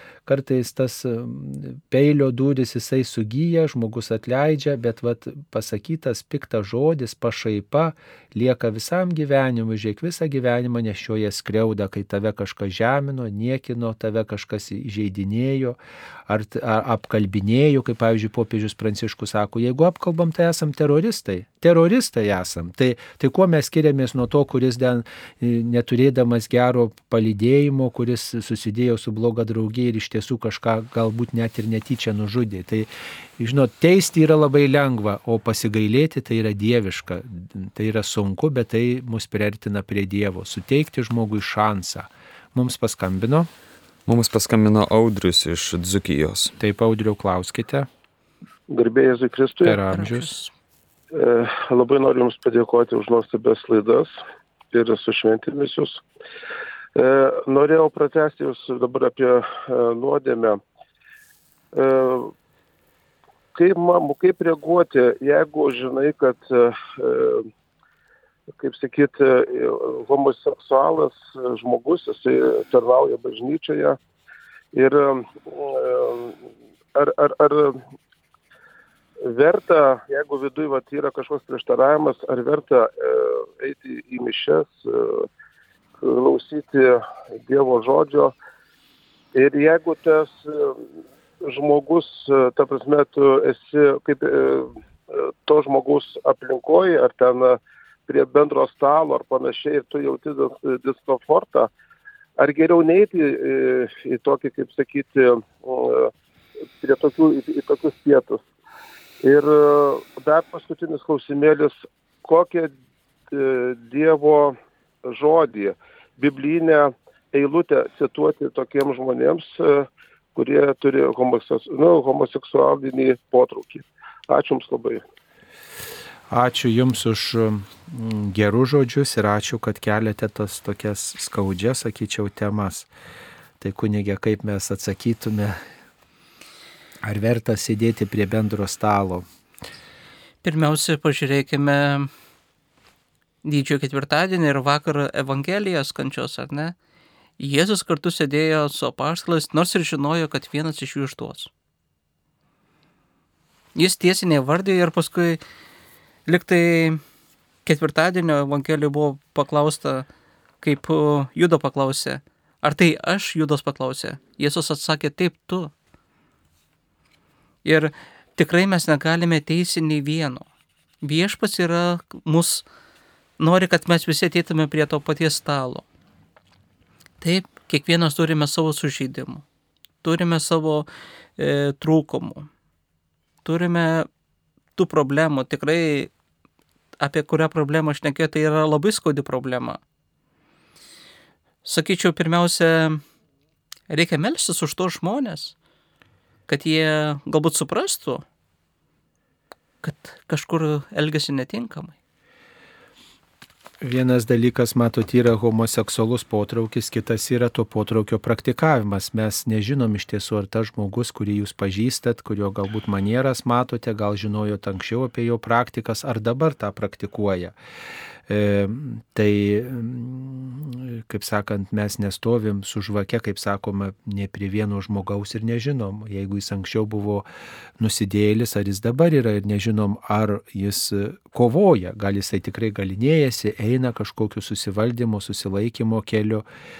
Tai, mm, tai apie tai verta galvoti. Tai tiesiog tikrai visada verta eiti į šventasias mišes, nežiūrint, koks tas kunigas jums, ar kunigas, ar ten patarnautojas, ar ten, sakykime, kažkoks žmogus, kuris ten sukasi al al altoriaus artumoje arba tuose pačiuose mišiuose dalyvauja. Tai žinot, taip, gal skaudu žinoti, skaudu matyti, skaudu svarstyti, bet jūs einat pas Dievą pirmiausiai. O žmonės yra įvairūs ir tiesiog svarbu netapti ne, ne, ne teisėjai teisėjų, bet e, ir maldą lydėti, kaip sakoma, bet kartu ir ir rūpintis, kad mes e, neįkristume į tą ar į kitą nuodėmę. Va, o, o jeigu jūs jau tikrai negalite melstis ir galvojate vien tik tai apie to žmogaus nuodėmės arba negalit klausyti skelbiamo žodžio, kurį tas žmogus skelbia, skaito ar panašiai, tai visada tikrai galima pasirinkti kitą bažnyčią. Dabar nereikia arkliais važiuoti toli ar ten eiti pieščiom, dabar galima ir, ir taip sakant, ir automobilius turi daugelis žmonių ir, ir nuvažiuoti. Ir, ir galų gale net ir dviračių numinti į kitą parapiją, kur, kur nėra tos problemos arba akių nebado, bet tikrai neatskirti savęs nuo Dievo. Piktasis tik ir nori jums va, primesti kažkokią mintį, parodyti kito žmogaus nuodėmės arba e, tiesiog sukelti pasidygėjimą tokį, kad jis atitrauktų jūs nuo Dievo, nuo paties švenčiausio asmens. Va eidami pas Dievą, nes net ir žinodami, kad kunigas yra nuodėmingas ir jo nuodėmės matydami ir būdami tų nuodėmių liudininkais, mes vis tiek e, gaunam išgelbėjimą per tą nevertą kunigą. Kaip sakant, išganimas ateina ir per nevertą tarną mums išgelbėjimas. Va. Bet jei mes to išgelbėjimo nenorim priimti, mes atmetam jį, tai skriaudžiam dar kartą save. Tai mes stojam į pikto pusę.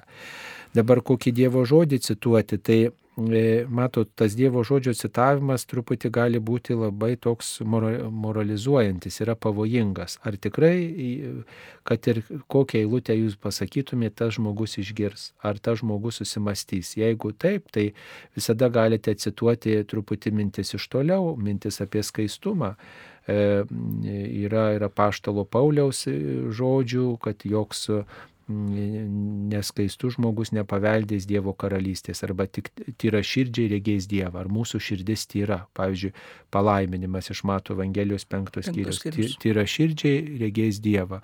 Tai e, ar mūsų širdis tyra yra, apie tai kalbėkim. Ar, ar žmogus homoseksualus, ar žmogus heteroseksualus, jis pašauktas į skaistumą, į pagarbų santyki su kitu asmeniu, su savimi. Ir mes visi galinėjame šitoj srity su visokiais potraukiais, aistrom. Ir, ir nėra taip, kad žmogus būtų apsaugotas nuo, nuo šitų dalykų jeigu mes nekovojam, tai kaip mes laimėsim, tai koks bus mūsų, kaip sakant, mūsų pastanga. Kaip Paulius sako, iškovojau gerą kovą, baigiau bėgimą. Taip, Jis saugo jų tikėjimą. Taip ir ypač dabar, kai ateina vat, pavasaris, žinot, bus daugiau to, to, to judėjimo gatvėse, susitikimų ir bus daugiau tų žmonių, kurie save apnuogina, kurie save pabrėžia savo litiškumą, savo seksualumą pabrėžia ir, ir, ir nori parodyti ir tatuiruotės, ir savo išpuoselėtą kūną. Ir, ir tai yra didelis iššūkis ir jauniems žmonėms, ir vyrams, ir moteriams. Tai e, yra tam tikras žvilgsnio pasninkas, jeigu apie pasninką kalbam, ne tik tai pilvo pasninkas, bet ir žvilgsnio pasninkas. Nežiūrėti, pamatė gražią merginą, jeigu kažkas turi homoseksualų potraukį, pamatė gražų vyruką, sakykime, ar, ar būtina grįžti vėl į jį žiūrėti ar būtina vėl, vėl reiškia, nurenginėti žvilgsniu tą žmogų ir, ir kurti savo vaizduotę ir, ir, ir planus ir svajonės tokiu būdu pastumėti save į nuodėmę, nuodėmingas mintis, į geismą, į, į, į aistrą didesnę. Tiesiog ar verta lankytis galbūt tose vietose, kur yra daug tų žmonių, kurie apsinuogina, vat, žinot, kurie, kurie, sakykime, išstato save, nori būti geidžiami, nori galbūt sukelti kitiems tokį troškimo jausmą. Tai e, reikia mums išmokti pasninkauti ne tik didįjį penktadienį, nevalgant mėsos, bet pasninkauti visus metus įvairiom aplinkybėm, galvoti apie savo išgelbėjimą. Va. Ir galbūt tiem žmonėms, kurie, sakykime, turi tą potraukį kitam asmeniui, e, homoseksualų potraukį, irgi pagalvotų, kaip aš elgiuosi, o kaip aš kalbu, kaip aš rengiuosi, kaip aš save išstatau, kokias aš manieras turiu ir panašiai. Tai visi pašaukti į skaistumą, absoliučiai visi, ir homoseksualūs asmenys, ir heteroseksualūs asmenys, ir reikia suprasti, kad mm, kūnas yra mūsų laikina buveinė šitoj žemė, tas kūnas ir sensta, jisai ir dyla, ir dėl to verta turbūt pagalvoti apie mūsų laikinumą ir apie tai, kas yra amžina mūsų gyvenime. Taip, dar vienas klausimas, bažnyčioje šventinamas maistas, dėl ko tai daroma. Ar šventinat kunigė maistą didį šeštadienį ar Velykų? Taip ir šiandien dieną. šventinsim po pamaldų ir rytoj. Tai yra sena bažnyčios tradicija, e, didį šeštadienį ir Velykų rytą pašventinti kažkokį maistą, kad mes atsineštume namo ir jau nuo viešpaties altoriaus tiesiog iš bažnyčios pašventinta visi draugė su šeimos artimaisiais valgytume ir kad tiesiog dėkotume Dievui už tą dovaną, kad turime maisto, kad turime už ką pavalgyti, ką pavalgyti, galbūt ir pasidalinti ar tokį Velykinių margučių e, su šalia esančiu, galbūt jis bus neatsinešęs, tai tu padarysi džiaugsmą tam žmogui ir pats duosi kažkam darydamas gerą. Taip, dar apie Velykinį margutį, čia galbūt ir pamiršom atsakyti, buvo mhm. toks klausimas, ką tas Velykinis margutis reiškia. Tai turbūt net iki, iki krikščioniškus laikus siekiantis ženklas, simbolis, kuris primena atgimimą, ne kaip iš kiaušinio įsirita paukščiukas ir, ir, ir tai yra e, gyvybė, tai yra pradžia nauja. Tai ir, ir, ir, reiškia, kiaušinis mums krikščionėms gali priminti taip pat ir kapą, tokį kapą, iš kurio vat, gimsta gyvybė, gyvenimas gimsta ir mes e, marginam margučius, tęsiam net senas tradicijas, bet kartu prisimenam, kad viešpats Jėzus pakilo iš kapo ir viešpats yra gyvybė, viešpats yra gyvenimas. Ir mes e, dalinamės tais margučiais ir kartu skelbiam gyvenimo džiaugsmą, kuris ateina ne tik per gamtą, bet ateina per Dievą kuris duoda ne tik fizinę gyvybę, bet duoda dvasinę gyvybę ir tai e, turbūt e, yra daug svarbiau, ne tik ne vien rūpestis fizinė gyvybė. Mums paskambino. Mums paskambino Ona iš aukštaitijos. Taip, ponute, klauskite, jūs eteryje. Garbėjai Zikriai. Per amžius. Aš norėčiau tokią nuomonę pasakyti ir kartais būna skaudu labai širdį, kada aš, e, esame ne aš, bet esame tie, kurie praktikuojam bažnyčią, einam beveik kiekvieną dieną, sekmadieniais ir tarsi toks jausmas, kad mes didžiausi nusidėliai, o ne tie, kurie ateina metuose ir ateina tik pasižiūrėti. Dabar kaip jūs aiškinot, kad dėl homoseksualų aš nemoku net ištarti žodį, e, kodėl bažnyčia yra tokia tolerantiška, liberali ir neįvardina tų dalykų e, per pamokslą, kad tai yra nuodėmė, kad tai yra ne lyga, bet yra nuodėmė. Žmonės tie turėtų, kurie yra lesbietės, ten visokios, aš dažnai pagalvoju ir kitiems paaiškinu, kad tegul eina dirbti Lietuvo žemę, daugiau dirba, nereikės tokių dalykų. Mūsų seneliai, proseneliai buvo vargo žmonės, ar buvo tokių dalykų. Ir dar kitas dalykas, bažnyčia yra tolerantiška, liberali, tarsi e, susilygina su Dievu, gailestingumu, atlaidumu, bet e, negali, nesugeba pasakyti, kad dešimt Dievo įsakymų ir kodėl gerai. Ir kodėl tuštėja bažnyčios. Vat vakar teko būti vien seneliai ir aš pagalvojau, mes išmirsim, kur jaunimas didysis penktadienis. Mhm. Kur liberali ir, ir kantri, ir atlaidi. Ir sakau, kiekvieną kartą šukuoja ir tarsi mūsų šukuotų. Mhm. Nu, taip ačiū. Jūs truputį pati savo prieštaraujat, sakyčiau. Viena vertus sakot šukuoja, kita vertus kodėl nesako apie Dievo įsakymus. Tai e, kaip paskelbs, skelbia e, bažnyčia e, Dievo žodį ir tą Dievo žodį paaiškina. Jeigu yra proga, tai ir kalba apie skaistumą, kalba apie, apie nepagarbą tam tikram progom, tam tikrom, e, kai, kai apie tai Dievo žodis kalba. O bažnyčia moko Dievo įsakymų. Kiekvienas, kas ruošiasi katechezijai, pavyzdžiui, jis supranta. Pirmos komunijos sutvirtinimui, kas... Ir pamokslų kunigai dažnai apie tai. Ir kalba. taip pat su, sužadėtiniai, kurie ruošiasi santoko sakramentui, jie, jie apie tai irgi turi progos kalbėti, svarstyti. Va, ir, ir tai yra kalbama, o, o, o, o negali tik tai ištisai vien tik apie tai kalbėti, kalba įvairiom temom bažnyčia, ar ne? Ir, ir jūs sakot, kad štai vien tik senukai, o aš vakar priešingai mačiau daug daug jaunimo, tai žinot, žiūrint kokioj bažnyčioje, žiūrint kokiom aplinkybėm, taip, sensta daugelis žmonių, bet, bet ir jaunesnė ateina, tai čia visada buvo tas, tas, tas klausimas, va, vyresnė išmirs ar jaunimas ateis. Jeigu jaunimas, žinot, jisai va, liberaliai žiūri, tai jeigu dar bažnyčia pamojuos tais Dievo įsakymais ir vėl jiems nepatiks, ne, tai, tai čia yra toks prieštaravimas, suprantat, kurį jūs pati va čia ir kažkaip paliudijate, ne, kad kodėl nesako Dievo, nes neskelbia Dievo įsakymų, bet e, kodėl ir jaunimo netraukia. Tai jaunimui, žinot, niekada nepatinka įsakymai, įstatymai, bet bažnyčia skelbia savo mokymą, kada yra tam laikas ir vieta. Va, o, o apie nuodėmės kalbą ir apie atgailą kalbą, ir Marijos radijas apie atgailą kalbą, žinot, bet, bet kas nenori girdėti, tas negirdi. Ir, ir taškas, va, o kas, kas ką, ką Dievas paliečia, tas ir išgirsta. Tai e, bažnyčiai vardina, kad e, homoseksualumo praktikavimas tai yra nuodėmė. nuodėmė tai. Ir ta katekizmas, katekizme tai yra parašyta, o ar reikėtų kiekvieną dieną apie tai kalbėti, tai klausimas, va, nes, va, nes dažnai tas, kas kartojama nuolat, sunkiai priimama. Va. Ir paskui vėl sakytumėt, e, kad bažnyčia vien šneka apie nuodėmės, apie Taip. homoseksualumą, vėl kažkokias kitokias nuodėmės. Taip. O... Nes, sakysit, tų žmonių nėra, jie negirdo, girdi tie, kurie ateina į bažnyčią. Tai...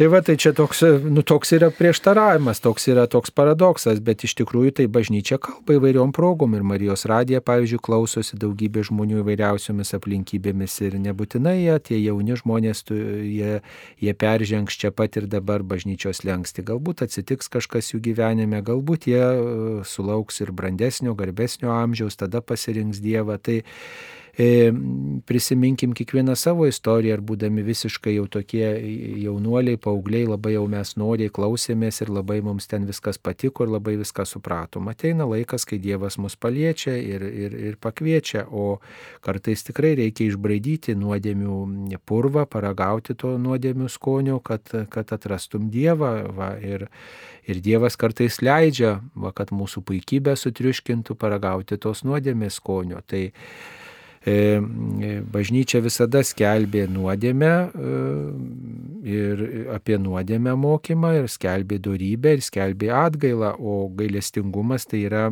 daugiau ir šio pasaulio raktas, ne jeigu apie pragarą bažnyčia kalba, tai niekas nenori klausytis apie tą pražūties galimybę. Bet e, Lietuvoje kol kas tai tikrai e, ir apie nuodėmės kalba, ir iš pažinčių klauso kunigai, ir, ir taip pat Dievo įsakymai yra paliūdijami įvairiomis aplinkybėmis, tai tiesiog svarbu būti nuosekliais ir klausytis. O be to bažnyčia tai nėra tik tai vyskupas kunigas, tą labai gerai supraskite. Bažnyčia ir jūs esat mėly klausytojai, ir jūs, kuris skambino, taip pat esat bažnyčios dalis. Ir kai sakom, kodėl bažnyčia tokia, kodėl bažnyčia kitokia, tai truputį yra, reiškia, ir save kaltinam tokiu taip. būdu. Nes po antrų Vatikanų labai aiškiai pasakyta, bažnyčia esame mes visi. Visi. Visi Pakrikštytieji. pakrikštytieji dalyvaujam visuotinėje kunigystėje. Ar jūs melžiatės už tą bažnyčią, ar jūs stengiatės kalbėti apie nuodėmę kitiems, tiems, kurie negirdit, ar jūs nukreipiat žmonės į Dievą. Vat ne tik kunigas tą turi daryti, ne tik pamokslauja kunigas, bet pamokslauja ir žmonės tarnaudami, kalbėdami, primindami, pakviesdami klausytis, pavyzdžiui, radio kažkokios laidos arba papasakodami apie pamaldas, apie ką girdėjo bažnyčio, įspūdžius kažkokius papasakodami kitiems žmonėms, apgindami tikėjimą, kai prie Velykų stalo susėsit su netikinčiais žmonėms, abejojančiais, ar išdrysit apginti tikėjimą, ar išdrysit e, kažkaip paaiškinti, nu senukai buvo nuvalio senukai, bet tie senukai mūsų šaknis yra jaunimas, nu jaunimas ateis kita proga, galbūt neturim vilties, kad galbūt tą jaunimą pakeisti pakviesti, o galbūt jūs, vat, pavyzdžiui, savo giminės jaunimą ar suorganizuojat, sakykime, sutarius su kažkokiu kunigu, sakykime, šventę, vat, šeimos jūsų šventė. Ar pakviečiat, pavyzdžiui, jaunus žmonės į tą šventę ir kunigą pakviečiat, kad būtų proga kalbėtis apie tikėjimą. Ką mes padarėm, kad jauni žmonės ateitų į bažnyčią. Ką mes padarėm, būdami bažnyčios nariais. Ne tik reikia galvoti apie kunigą, ne tik apie vienuolius, bet e, mes visi turim būti dalininkai tos bažnyčios, nes, kaip sakant, tai yra mūsų visų lizdas, tai nėra vyskupo kunigo, bet mūsų visų tai yra lizdas, laivas, bendruomenė. Ir kokia ta bažnyčia priklauso ir nuo manęs. Tikrai, kaip kunigas galiu sakyti, visada džiaugiausi, kai žmonės atsiliepė, kai žmonės bendradarbiavo, kai prašiau pagalbos, kai žmonės klausė, teiravosi, padėjo ir labai liūdėjau, kai tu dedi širdį, o žmogui nusispjaut. Žinai, visiems ten vienodai šviečia. E, ką tu sakai, ką tu čia stengiasi daryti, nu, tada yra labai skaudu. Tai, žinot, visi esam tos pačios šeimos nariai.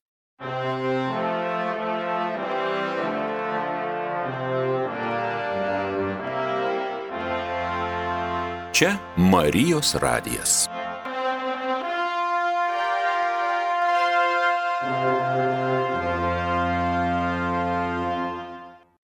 Mėly Marijos radio klausytojai, su dėkingumo kupina malda palydime visus mūsų geradarius, kurie savanoriaudami skiria savo laiką ar piniginę auką išlaiko Marijos radio veiklą. Prie tikėjimo skelbimo darbų galima prisidėti atnešant auką į Marijos radijo buveinę Vilniuje, Aušros vartų gatvėje 12 ar Kaune, Vilniaus gatvėje 5.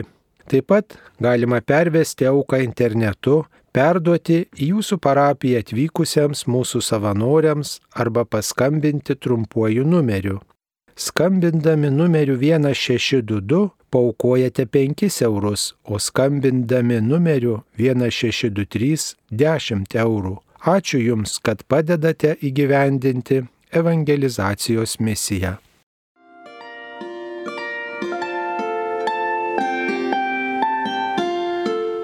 Jūs girdite Marijos radiją.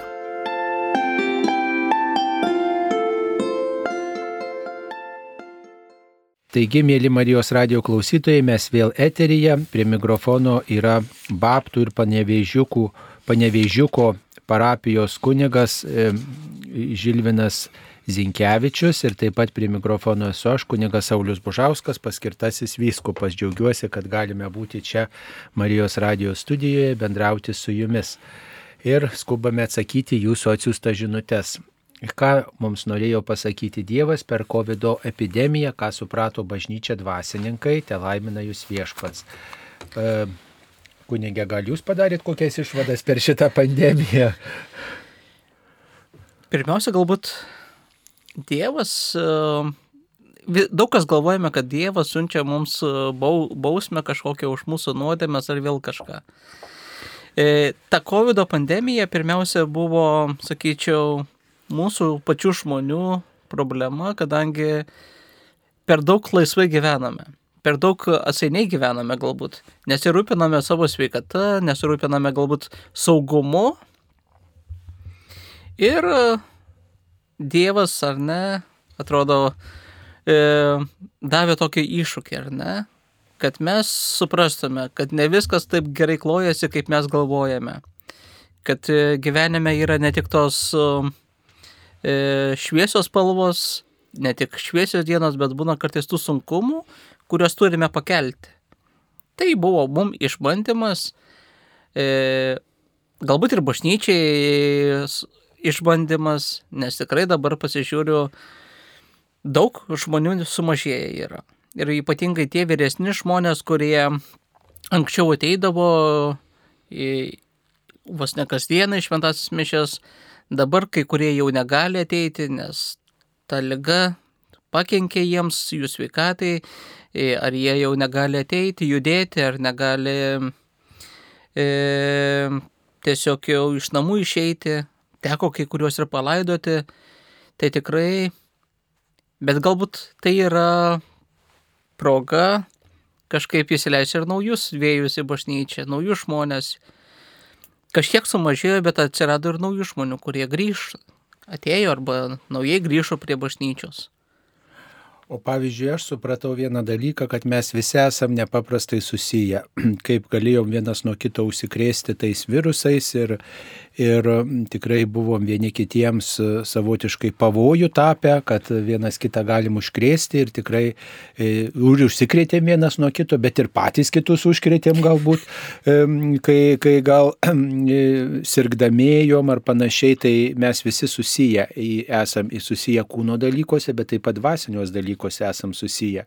Ir jeigu mes vieni kitiems tikrai būtume broliai, vieni kitų už kitus melstumėmės, jeigu vieni kitus palaikytume, vieni kitiems padėtume, tai tikrai, e, sakyčiau, pasaulis keistusi. Va. O bažnyčia supranta tokį dalyką, kad ji, ji yra pagalba žmonėms ir, ir ji yra e, na, ta, kuri neša tikėjimo ir vilties žinę ir primena, kad ne tik tai šitas pasaulis yra svarbus, bet yra amžinas, amžinybė ir kad bet kada žmogus gali iškeliauti. Va, ir, ir tai buvo akivaizdu, kad ir jauni žmonės mirė ne tik tai vyresni ir, ir, ir bažnyčia tokia vienitoje šitoje vietoje. Mm, laukianti bažnyčia buvo, kuri laukė, nors pamaldų nevyko, bet buvo bažnyčios atviros, žmonės galėjo ateiti ir priimti komuniją ir ir atlikti išpažinti ir buvo sudarytos tam galimybės, kurie norėjo tą daryti, kurie norėjo tikrai nebuvo nuo to kažkaip sulaikyti, atitraukti, o kuriems tas buvo pretekstas neiti į bažnyčią arba kurie nenori grįžti, tai čia jie laiko egzaminą. Aš taip suprantu, kad patogiau sėdėti ant sofo, žiūrėti per televiziją, vien klausytis per radiją, kai žmogus dar gali ateiti e, į bažnyčią, tai jie to egzamino kaip ir nelabai išlaikė, galima taip sakyti, bet visi yra kviečiami grįžti ir priimti sakramentus ir nepasilikti ties tą mintim, kad ai, užteks, pažiūrėsiu, bus tas pats, nebus tas pats, mes savo darysim žalą. Kai kurie ir iki šiol dar tai daro. Tai yra problema, sakyčiau, tų žmonių. Taip, dabar mums paskambino. Mums paskambino iš Vilniaus rajono genė. Taip, genė, klauskite, jūs eterija. Garbė Jėzui. Per amžius. Aš čia per vieną laidą kunigas Nerius Pipiras kalbėjo, kad sistema yra Dievo tvarka. Aš norėčiau paprieštarauti kaip gali būti, pavyzdžiui, Hitlerio sistema gali būti, kuri žudė žmonės Dievo tvarka, ar pavyzdžiui, Stalino sistema, kuri irgi žudė žmonės, arba sistema, kuris skiria šeimas, kaip gali pa, pavadinti Dievo tvarka. Juk prieš visą gali Dievą nuėję mes neapsimesime. Dievas viską mums atidarys amžinybė, kad mes rūbus išvertėm į kitą pusę. Taip. Nu, dievo tvarka tai yra Dievo tvarka, Dievo planas yra, kad visi žmonės siektų šventumo, kad visi žmonės vienas kitam būtų brolių, broliais ir Dievas tuo rūpinosi per visą pasaulio istoriją. O kad patys žmonės visokias sistemas įvedinėja, kad žudo, atmeta vieni kitus, tai čia yra žmogaus iššūkis, žmogaus e, problema ir, ir, ir su tuo nesusidorojam iki šių laikų, o kad išverčia skūrą kažkas ir, ir tai Dievas mato širdis, tai mus gali apgauti, vienas kitą mes galim apgauti, bet Dievo neapgausim, aš taip pasakyčiau. E, taip, Gerai, žiūrim, kokios dar žinutės atsiusta.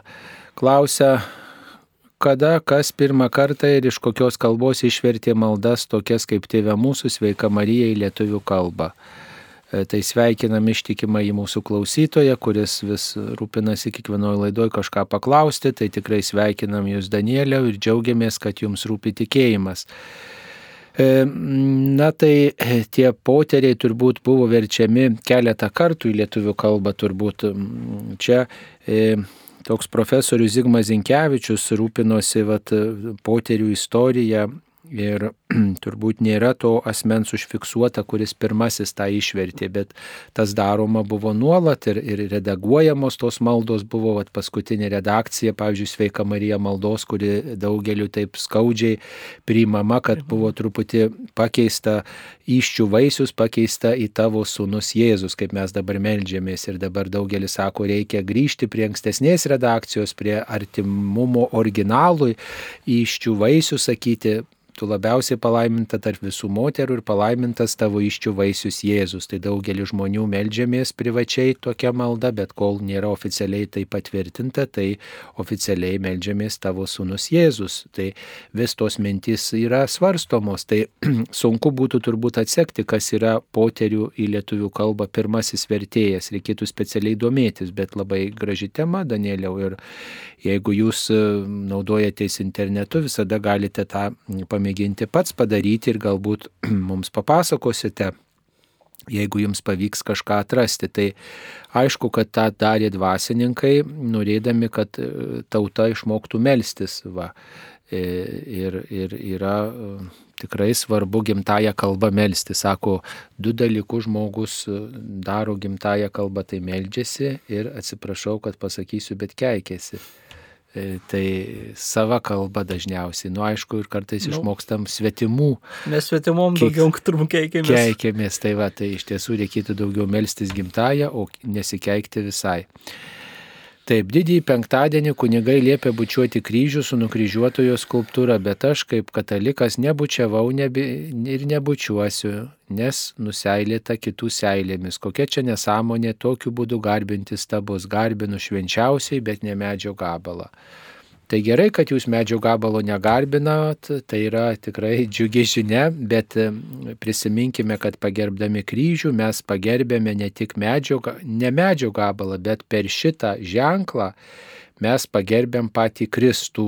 Tai yra senas, labai senas e, paprotys, ne, e, ir dėl to jau senai yra nutarta, kad tai nėra jokia stabmeldystė, nes mus ne tas medinis, e, e, ne ta medinė figūrėlė mus išgelbsti, bet mus išgelbsti Dievas, neregimasis Dievas, amžinas Dievas, kurio sūnų ta netobula figūrėlė vaizduoja. Ir e, tikrai, jeigu jūs bučiuojate arba liečiate kitus paviršius, nežinau, jūs turėklus liečiate ir visa kita, ir jums tai nekelia problemų, tai pabučiuoti kryžių, tai aš nemanau, kad Dėl to gali būti kažkokių didelių problemų, jo labiau, kad galima ir patarnautojai nuvalo ir panašiai, tai nereikia taip jau labai sureikšminti. Atrodo, kad tik tai bažnyčioje bakterijos ir veisėsi, nei parduotuvėje, nei, nei kažkur, e, nežinau, sustojime autobuse nėra tų bakterijų. Visur bakterijos ir virusai ir visokie kitokie gyvena mūsų draugai ir, ir nedraugai, bet jeigu mes tikime, kad Dievas yra gyvenimo davėjas, tai mums niekas nebaisu ir viskas išeina į gerą mums paskambino. Onutė iš Vilniaus rajono. Taip, Onutė, klauskite, jūs eteryje. Taip, labai, labai malonu. Esu katalikė ir gan uh, tikrai stipriai tikinti. E, jau esu ištekėjusi už vyro 53 metai, kai gyvenam. Jisai yra, nu kaip krikštytas, bet jis yra, nu, net, nu, ne, nu, ne tai, kad jisai neigia tą Dievą, bet, nu, prašau atlikti tą Dievo malonės duotą ženklą, tą santoką, tą sakramentinę santoką. Nereikia, nereikia, nereikia. Nereikia taip gerai ir taip gerai, o man negerai. Ir aš e, dvasinę išpažinti, dvasinę komuniją priimu. E, vienu žodžiu dalyvauju kaip šventose mišiuose, klausau Marijos radiją, kalbu e, rožinį. Nu, vienu žodžiu, aš vat, vienintelį, ko šitą ne, ir dabar noriu paklausti, jau aš turbūt negaliu sakramentin šitą komunijos pri, priimti O ko, e, sakramentinę komuniją priimti, aš ne, turbūt neturiu teisės. O kodėl, taip? kodėl jūs taip sakot, kad neturite teisės? Nu, tai todėl, kad aš sulaužiusi esu Dievo malonės duotą ženklą santoką, ne, ne, nu, ne sakramentinė santoka, ne bažnytinė. Taip, o jūs dabar, kokia jūsų dabar padėtis, ar gyvenate su tuo žmogumi? Taip, taip, taip, gyvenam ir jau, jau vaikai dideli anūkai, jau anūkai, proanūkai, jau, nu vienu žodžiu, visi yra krikštyti taip, bažnyčio. Taip, visi... supratau, supratau, bet ar gyvenat su, atsiprašau už tokį tiesmuką klausimą, kaip vyras ir žmona, ar tiesiog kaip brolius su seserė gyvenat su savo dabartiniu vyru? Dabar tik tai taip gyvenam kaip brolis su seserė. Tai va, tai jeigu gyvenat kaip brolis ir sesuo, tai tikrai galite eiti e, iš pažinties ir tikrai priimti e, šventą komuniją. Jeigu jis nenori priimti santoko sakramentų, tai jo nepriversite. E, va, bet, bet jeigu gyvenat kaip brolis ir sesuo, kaip talkininkai vienas kitam, va, duodat gražų pavyzdį vienas kitam, padedat vienas kitam, bet, bet yra tas toks, nu, simbolinis, sakytume, ryšys tarp jūsų, tai tai, tai tada mm, galite lankytis bažnyčioje ir, ir tikrai prieėjus iš pažinties ir apie tai įvardinus kunigui tiesiog priimti e, komuniją, bet apie tai, apie visas tas aplinkybės reikia tarti su savo nuodėmklausiu. Va. Tai e, tok, toks būtų atsakymas. Tai ačiū, kad rūpinatės, Būt, linkiu. Būtinai, būtinai, būtinai, būtinai, tikrai, va taip, nes man ant širdies stovi ir kažkaip niekaip, niekaip, nu taip pat neišeina iš šeimos tikrai tikinčios labai ir, ir nu, nežinau, man neprimtini tie tokie dvasiniai dalykai mūsų labai nesutinka. O šiaip tai va tik tai, kad nu, gyvenam. Nu, va, matot, ačiū Jums, mėloji. Tai čia toks va ženklas ir jauniems žmonėms, kurie kuria santoką, kad tikrai apie tai pagalvotų, ar vertybės mūsų su išrinktuoju jau dabar sutarė. Negalvokit, kad pakeisiu aš jį, ar kažkas pasitaisys kitaip jau dabar, kai su žmogum draugauja, kai su žmogum e, e, vaikinas ir mergina ruošiasi santoką kurti, turi būti trys dalykai aptarti, kaip mes žiūrim į Dievą, vaikus ir pinigus, kaip sakant, va, e, jeigu tie požiūriai sutampa iš esmės ir jeigu tikrai žiūrima viena kryptim, ne tik vienas į kitą, bet žiūrima viena kryptim tuose klausimuose, tai tada galima tęsti tą tokią draugystę ir galvoti apie bendrą šeimos gyvenimą. Bet jeigu nesutarė Dievo klausimų, jeigu nesutarėt vaikų klausimų ir kas uždirbs ir kas išleis pinigus ir kaip jūs tvarkysit savo e, būtį, kaip jūs į ką remsitės, kaip jūs planuosit savo išlaidas ir pajamas, e, kaip jūs dėliosit prioritetus, jeigu dėl šitų klausimų nesutarė, tai ateitis net ir karščiausia meilė, kaip yra, žinokit, yra be galo miglota, nes meilė paskui remiasi tik jausmais, ji kažkur išgaruoja ir kai reikia atstovėti, kaip sako žmonės, va tuos klausimus, Dievą, vaikus ir pinigus, tuomet nėra bendrystės ir nėra ateities. Tai va taip svarbu, kad mes jauniems žmonėms šitą įdėktume ir tikrai žmonės paskui nežaksėtų visą gyvenimą, kai, kai žmogus nori remtis į Dievą, bet jo kita kitas bendra keleivis gyvenimo nenori, tada visą gyvenimą tenka su tuo skauduliu būti. Negalvokit, kad jis pasikeis, jis atsivers. Niekas neatsivers, niekas nepasikeis taip lengvai. Ir jeigu atsiversti, keistis, tai galiu tik aš. Kitas iš kito to laukti, tai yra beprasmiška. Arba, pavyzdžiui, žmogus turi priklausomybę. Aš, mano meilė jį pakeis. Mergina sako, aš jį labai myliu, jis pasikeis. Deja, Deja, pasirenki žmogau nešti didelį ir sunkų kryžių. Ir va, jeigu pasirenki tą kryžių nešti, tai paskui taip ir nuturėsi jį nešti gyvenime. Ir, ir ne tik tu neši, bet ir neš tavo aplinko žmonės. Ar tam, ar tam pasiryšti, jei pasiryšti, tai gerai, bet, bet nu, reikia jau tada žinot, kad ir bus sunku, bet aš pasirinkau taip. Mums paskambino. Mums iš Kauno paskambino Edita. Taip, Edita, klauskite, jūs eterija. Sveiki, gyvi. Sveiki. Turiu tokį labai praktišką tikėjimo klausimą. Taip. Pasistengsiu labai trumpai, nes gana klaidi, klaidi ir paini istorija. Dirbu šiuo metu, saugau senutę Junktiniai karalystiai. Senutė 84. Tiesiog, kuris laikas, jai vis pakildavo temperatūra iki 37,3 ir taip toliau.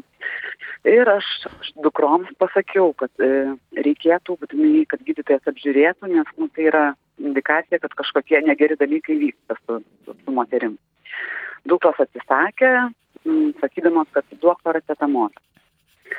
E, man tai nebuvo paprasta padaryti, bet aš pasakiau, kad aš tikrai to nedarysiu, nes tai m, maskuotų simptomus kažkokios rimtos lygos.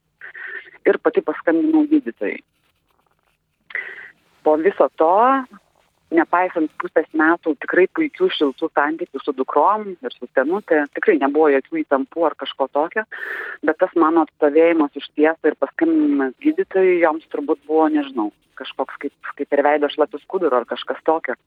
Tai žodžiu, aš čia visą savaitę dabar gyvenu tokiam grinai psichologiniam terorė, kaltinimuose ir pažeminime. Tai mano klausimas, kadangi mūsų santykiai buvo gražus ir aš apskritai tokia linkusi mylėti žmonės ir galvoti apie juos dažnai geriau negu kad, kad yra. Esu jom paruošus dovanų, išsivinėjau per tą laiką knygų skirtukus, porą tokių gražių dalykų. Ir rytoj Velykas ir aš tiesiog pasimetus. Suprantat, aš nejaučiu jom pykčio, aš suprantu galbūt net ir jų poziciją, bet ar dovanot, nu, aš nebepadovanosiu su tą meilę, su kuria aš visą tai ruošiau nedovanot vėlgi tai būtų toks, kaip čia pasakyti, gal mano pralaimėjimas. Nežinau, nežinau, kaip jūs matytumėte, ta prasme. Mhm. Aš suprantu, kad čia yra tik dovana, bet vis dėlto tai yra labai didelis ženklas. Taip. Tai yra mano paskutinė darbo savaitė, aš tada išskrendu į Lietuvą. Taip, ačiū Jums, mėloji, tikrai Jums daug paguodos šitoj situacijoje ir užuojauta, kad taip viskas susiklosti komplikuotai. E, tai Aš tai pavyzdžiui sakyčiau, kad reikėtų dovanoti. Aš jūsų vietoj dovanočiau, apsiginkluočiau kantrybę, galbūt mano tos dovanos nepriims, gal numes, gal kažkaip dar to psichologinio parodys tokio priešiškumo, bet padovanokit, nu, ką darysi, stinga tos meilės, tai stinga, bet jūsų meilė darė, dabar gal nėra tiek tos meilės, bet, bet yra tas pasirinkimas toksai, žinot, meilė nėra tik tai, kad aš vat, myliu, jaučiu gerus jausmus, bet aš pasirenku priimti tuos žmonės, kad jie tokie yra ir aš gerą jiems linkiu. Aš savotiškai dar žiūrau į priekį, kokie jie galėtų būti geresni. Tos dukros galėtų vis dėlto nesureikšmi, nu paskambino, nes rūpi ta mama. Jos gal kitaip mato, gal jau įgriso ta mama, nori nusikratyti ją, kas ten žino, bet mm, čia maždaug kažkas išdryso rūpintis, čia dar sureikšmina viską, bet, nu, kaip sako, tegu Dievas būna teisėjas, o jūs parodykit širdies tokį dėmesį, kad ir jau tas dėmesys sužeistas ar netoks, kaip jūs norėtumėt, bet jūs va įteiksit tas dovanėlę, tą dovanėlę, atsisveikinsit, gal daugiau ir negryšit į tą šeimą, jeigu ten yra sunku, jeigu yra te, psichologinis teroras ir panašiai. Galbūt metas pasakyti, jei mums čia sunku ką bendrauti, tai aš toliau nelabai galiu ir patarnauti, jums jūs pilną teisę tą turit padaryti. Va. Ir sakyčiau, padovanokit, kunigė, ką jūs patartumėt. Ta pati planu, pasakyčiau, kad dovanoti, nes pirmoji intencija jūsų buvo gera, ar ne? Atsilyginti, padėkoti už tą pasitikėjimą jomis. Pirmiausia, tie žmonės jomis pasitikėjo kad jūs galit globoti, prižiūrėti jų mamą. Tai ne kiekvienas galbūt e, pasitikė kitų žmogumi, Ir va, ta, kaip atminimo tokia dovanėlė, tai ir jums e, bus e, tokia kaip e, pagalba, kad paskui nekaltintumėt, kad va, galėjau padovanoti, bet nepadovanojau. Tuo pačiu galbūt ir tom tos prižiūrimos mamo, moters dukroms galbūt irgi bus pamoka galbūt, kad va, aš neturiu jokio pykčio, ne, nesinešu kažkokios pagėžos bet va, aš noriu atsidėkoti už tą pasidėkėjimą manimi. Kaip tokia mini dovanėlė, savo rankų dar e, gaminta, tai iš vis labai gerai. Taip. Mums paskambino. Kasgi mums paskambino? Mums iš Vilniaus paskambino Bernadeta. Tai Bernadeta labai mėla, klauskite.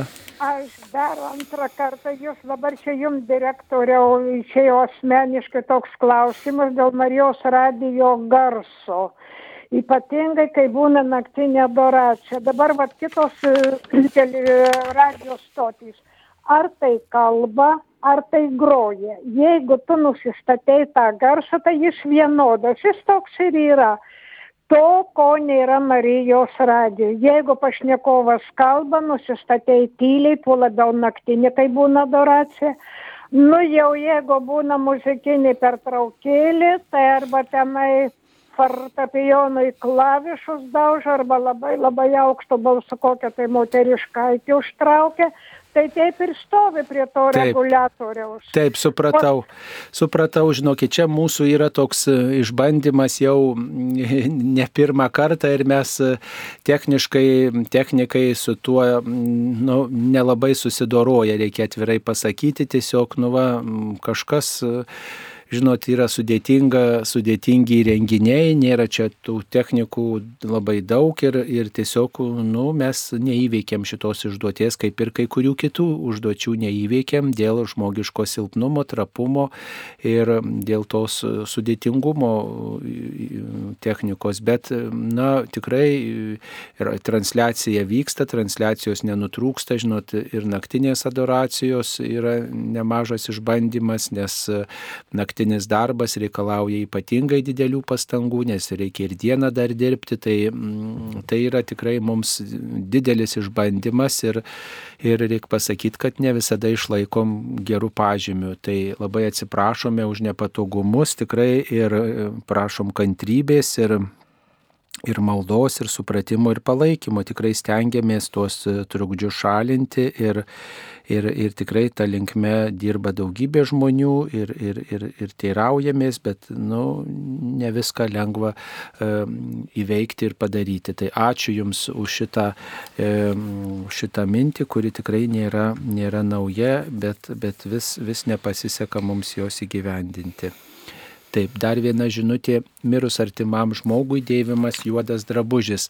Ar bažnyčia tai nustato kaip būtinumą, tą normą, kiek laiko ir už ką gedulą laikyti nešioti. Na tai, tai nėra bažnyčios nustatyta, tai yra liaudės pamaldumo tradicija, kad kiti žmonės tikrai suprastų, kodėl aš galbūt nedalyvauju kažkokiuose pobuviuose, renginiuose, kodėl aš esu rimtas, kodėl nesijokiu, kai anegdotas yra pasakomas, ar, ar ten kažkas e, linksmos istorijos, tai duoda tokį susikaupimą, tam tikrą tokį išlydėjimo, atsisveikinimo, atsiskirimo patyrimą, kuris reikalingas žmogui palydint artimuosius į amžinybę. Paprastai už mamą nešiojama metus gedulas, va, už, už kitus žmonės nešiojama pusę metų, va, kažkoks ženklas. Va, kiti pasirenka, pavyzdžiui, palydėję motinos savo vaikus, pasirenka pačios nešioti labai ilgai, tuos daugiau kaip virš metų ir, ir netgi ir esu girdėjęs tokių, tokių ženklų, kad žmogus pasiryšta visą gyvenimą nešioti, paskui jau kažkaip dėl to graužiasi, po kiek laiko tai yra visokių tų istorijų, bet svarbiausia, bažnyčia nustato, kad reikia melstis, gavus žinę apie mirtį artimo žmogaus, melstis prie mirusio žmogaus, melstis laidotuvių dieną, dalyvauti šventose mišiuose, melstis lankant kapus ir melstis metinių progomis e, už mūsų mirusius, melstis per vėlinės, kartu ir ryšį su tais iškeliavusiais, palaikant, kviečiant į Dievą, kartu padedant jiems ir, ir palydint juos į Dievo glėbį. Kitas dalykas, mes patys ruošiamės iškeliavimui tokiu būdu, patys suprantam, kad esam laikini ir ruošiamės stoti prieš viešpatį. Dar gal kunigė ką pridėsit? E, dar pridėčiau, tai yra tik mūsų krašto tradicija, nes pavyzdžiui, Italijoje nieks juodai nesirengia, visi baltai ir pavyzdžiui, mums būtų nesupratimas, jeigu per laidotuvės visi pradėtų ploti. Taip. O pažiūrėkime, popiežių Jono Paulio II, kaip laidojo, ar kitus, ką laidoja Italijoje, visi ploja. Tiesiog tai yra pagarba Dievui už to žmogaus gyvenimą atidavimas. Tai nėra liūdėsys, kad va, netekom žmogaus, bet tu žinai, kad tas žmogus jau yra Dievo akivaizdoje. Tai ką mes galime, e, va, kaip kunigas Saulis sako, malda yra, kuo mes galime tiems žmonėms pagelbėti jiems jau jokio skirtumo, kaip mes būsime apsirengę juodai, baltai, žaliai ir vėl kažkaip. Svarbiausia yra mūsų širdis ir kad jį kiltų už tą žmogų maldai. Taip dar viena, viena žinutė, mm, turbūt tų, to, tos pačios klausytojos, bet pasirašyta vis skirtingais vardais. Reiškia, žmogus nori e, prisistatyti vis kitų vardu, bet vis klausia įvairius klausimus. Tai štai toks klausimas, kodėl neduodama gerti Jėzaus kraujo, tik duodamas kūnas, ar nėra apie plėšiamą bažnyčią žmogus, nes kalbama, kad valgykite ir gerkite. Ne, žmogus nėra apiplėšiamas, nes mm, tai yra, kaip sakyti, tie e, šventieji pavydalai, jie yra išskiriami kūnas ir kraujas, tai pabrėžiant Jėzaus mirties faktą, bet e, jeigu žmogus priima tik tai kūną arba tik tai Kristaus kraują, jis priima visą Kristų. Va. E, tai nereikia čia sureikšminti tų dalykų, taip ženklo pilnatvės e, labui galima priimti išskirtinėm progom, ypač kai nedidelė bendruomenė yra, galima, e, kunigas gali padalinti ir abiem pavydalais, bet dėl tokio pastoracinio patogumo dalinama vienu pavydalu. Tai E, taip yra ir, ir čia nereikia turbūt to sureikšminti, čia istorinės pastoracinės priežastys tą e, tokią, tokį paprotį pasėjo, bet e, tikriausiai mažėjant bendruomenėms arba dalyvaujant rekolekcijose, mažose grupelėse, tikrai visada yra galimybė paprašyti kunigo, galbūt kunigę galime priimti abiem pavydalais ir tikrai daugelį bendruomenių kunigas dalina švenčiausią sakramentą kūno ir kraujo pavydalais mums paskambino. Marija iš Vilniaus. Taip, Marija, klauskite. E, Garbėjai Jėzui Kristui. Per amžius.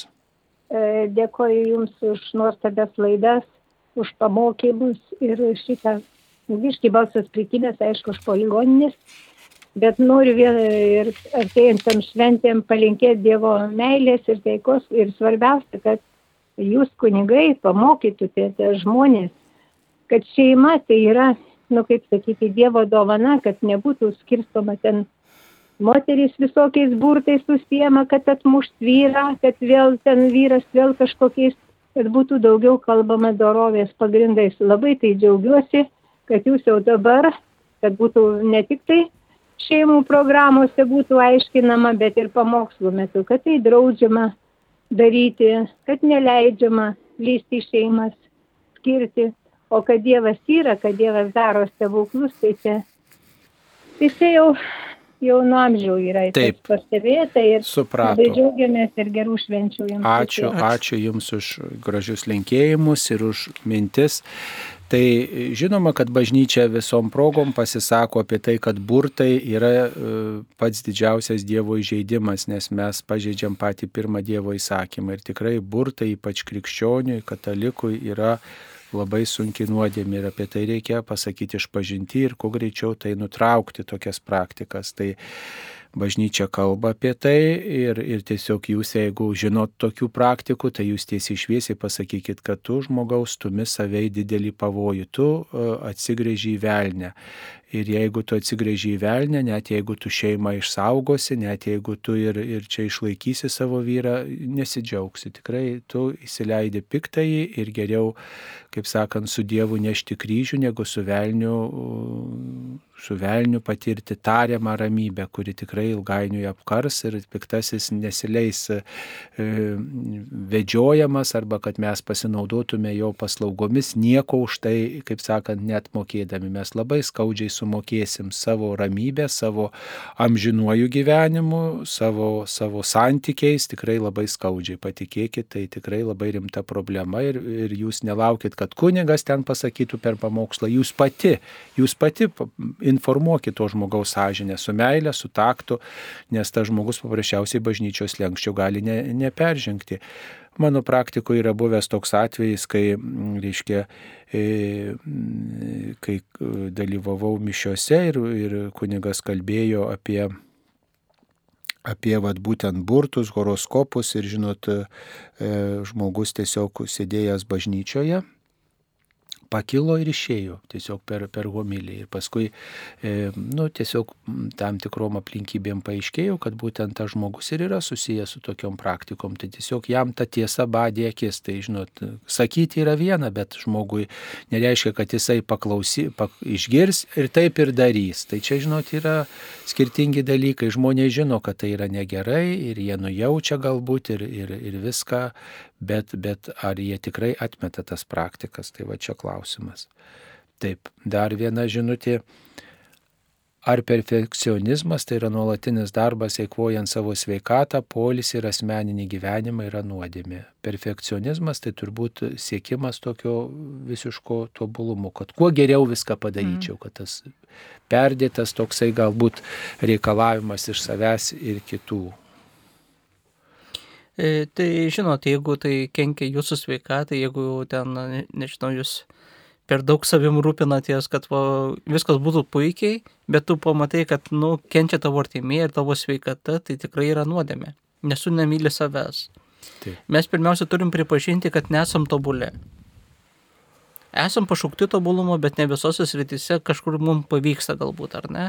Tai dėkim pastangas, bet jau neperkokim savęs, net kad dažnai va tokie žmonės e, paskui atsiduria tam tikrose ligoninėse, kad jau arba būna psichologinės problemos jiem, kad jie per daug į savęs reikalavo ir nepasiekė rezultato.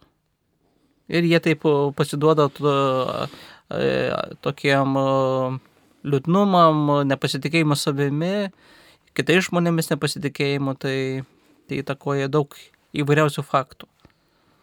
Taip. E, dar e, viena žinutė su artėjančiom šventom Velykom. Kunigas Veprauskas po savo vedamos laidos Veika Marija meldžiasi patobulintą versiją su iščių vaisiumi. Gali turi viskupo leidimą keisti maldo žodžius. Tai žinot, kunigo Veprausko vedamos laidos yra tiesioginės ir jūs galite tiesiogiai kunigo Veprausko paklausti, ar jis turi visko po leidimą keisti maldo žodžius. Tai tikrai jisai atsakys jums išsamei, tuo nebejokite. Mums paskambino. Mums iš Jurbarko paskambino Aniceta. Taip, klauskite. Garbėjai Kristui. Per amžius. Sveikinu viskupė jūs ir visą jūsų kolektyvą ir tą kunigėlį, kuris šiandien su jumis bendrauja su šventom Velykom, Ačiū. linkėdama jums daug stiprybės, kantrybės už tuos aštrius klausimus, kuriuos jums užduoda žmonės. Tikrai jums reikia turėti daug kantrybės ir sveikatos.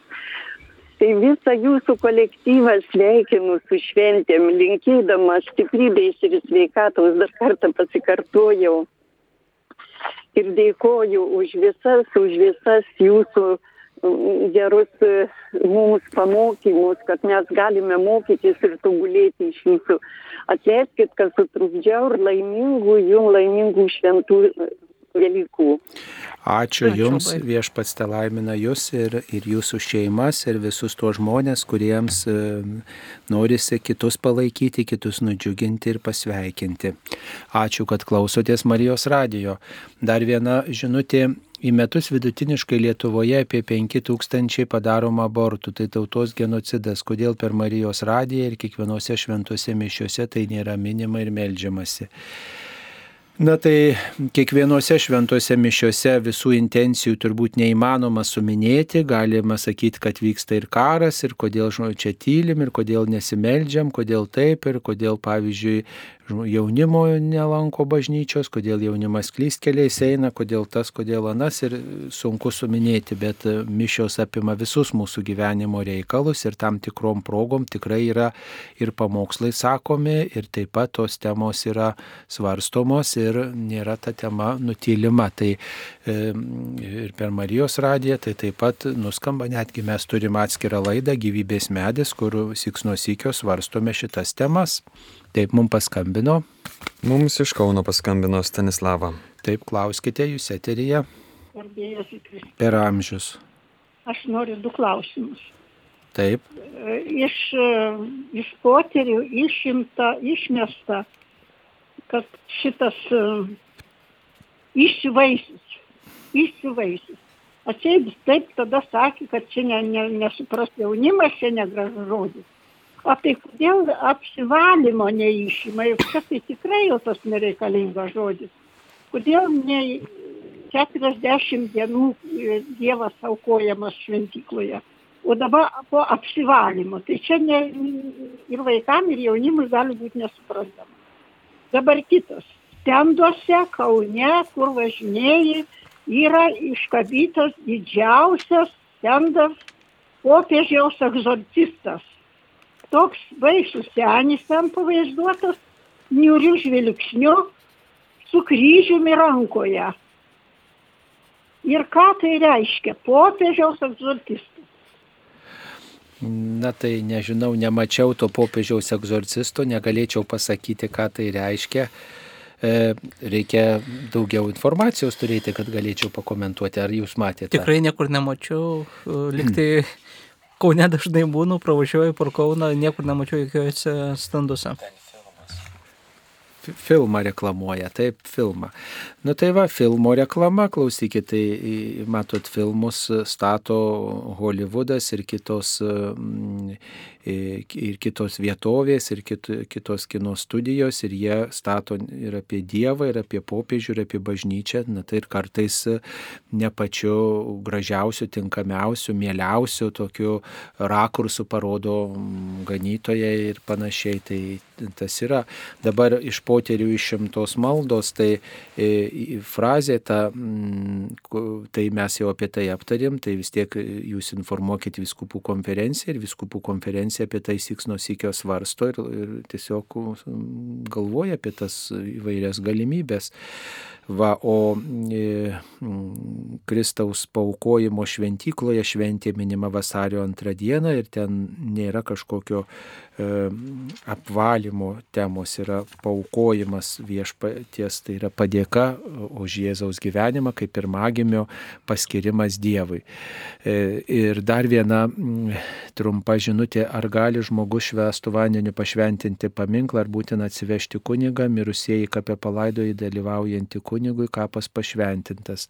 Taip, šventinant paminklą būtina atsivežti kunigą, jeigu jūs norit, kad būtų bažnyčios e, kunigo pašventintas paminklas ir sakramentalėje teikia kunigas. Tai tiek šį kartą atsakėme į jūsų klausimus, tiek suspėjome. Ačiū Jums, kurie klausėtės.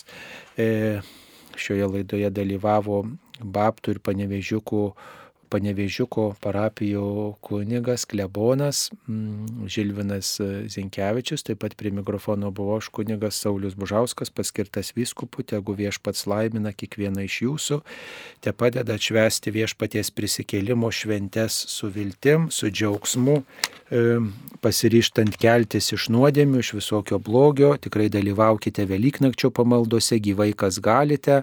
Ir taip pat Velykų iškilmėse, paliudikim, kad bažnyčia yra yra gyva, pasidžiaugim vienas kitu ir tikrai e, priimkim žinę, kad Kristus e, prisikėlė ir nugalėjo mūsų ir pasaulio mirti blogį ir kad neša gyvenimą be pabaigos. Ačiū visiems vilties. Sudė. Sudė.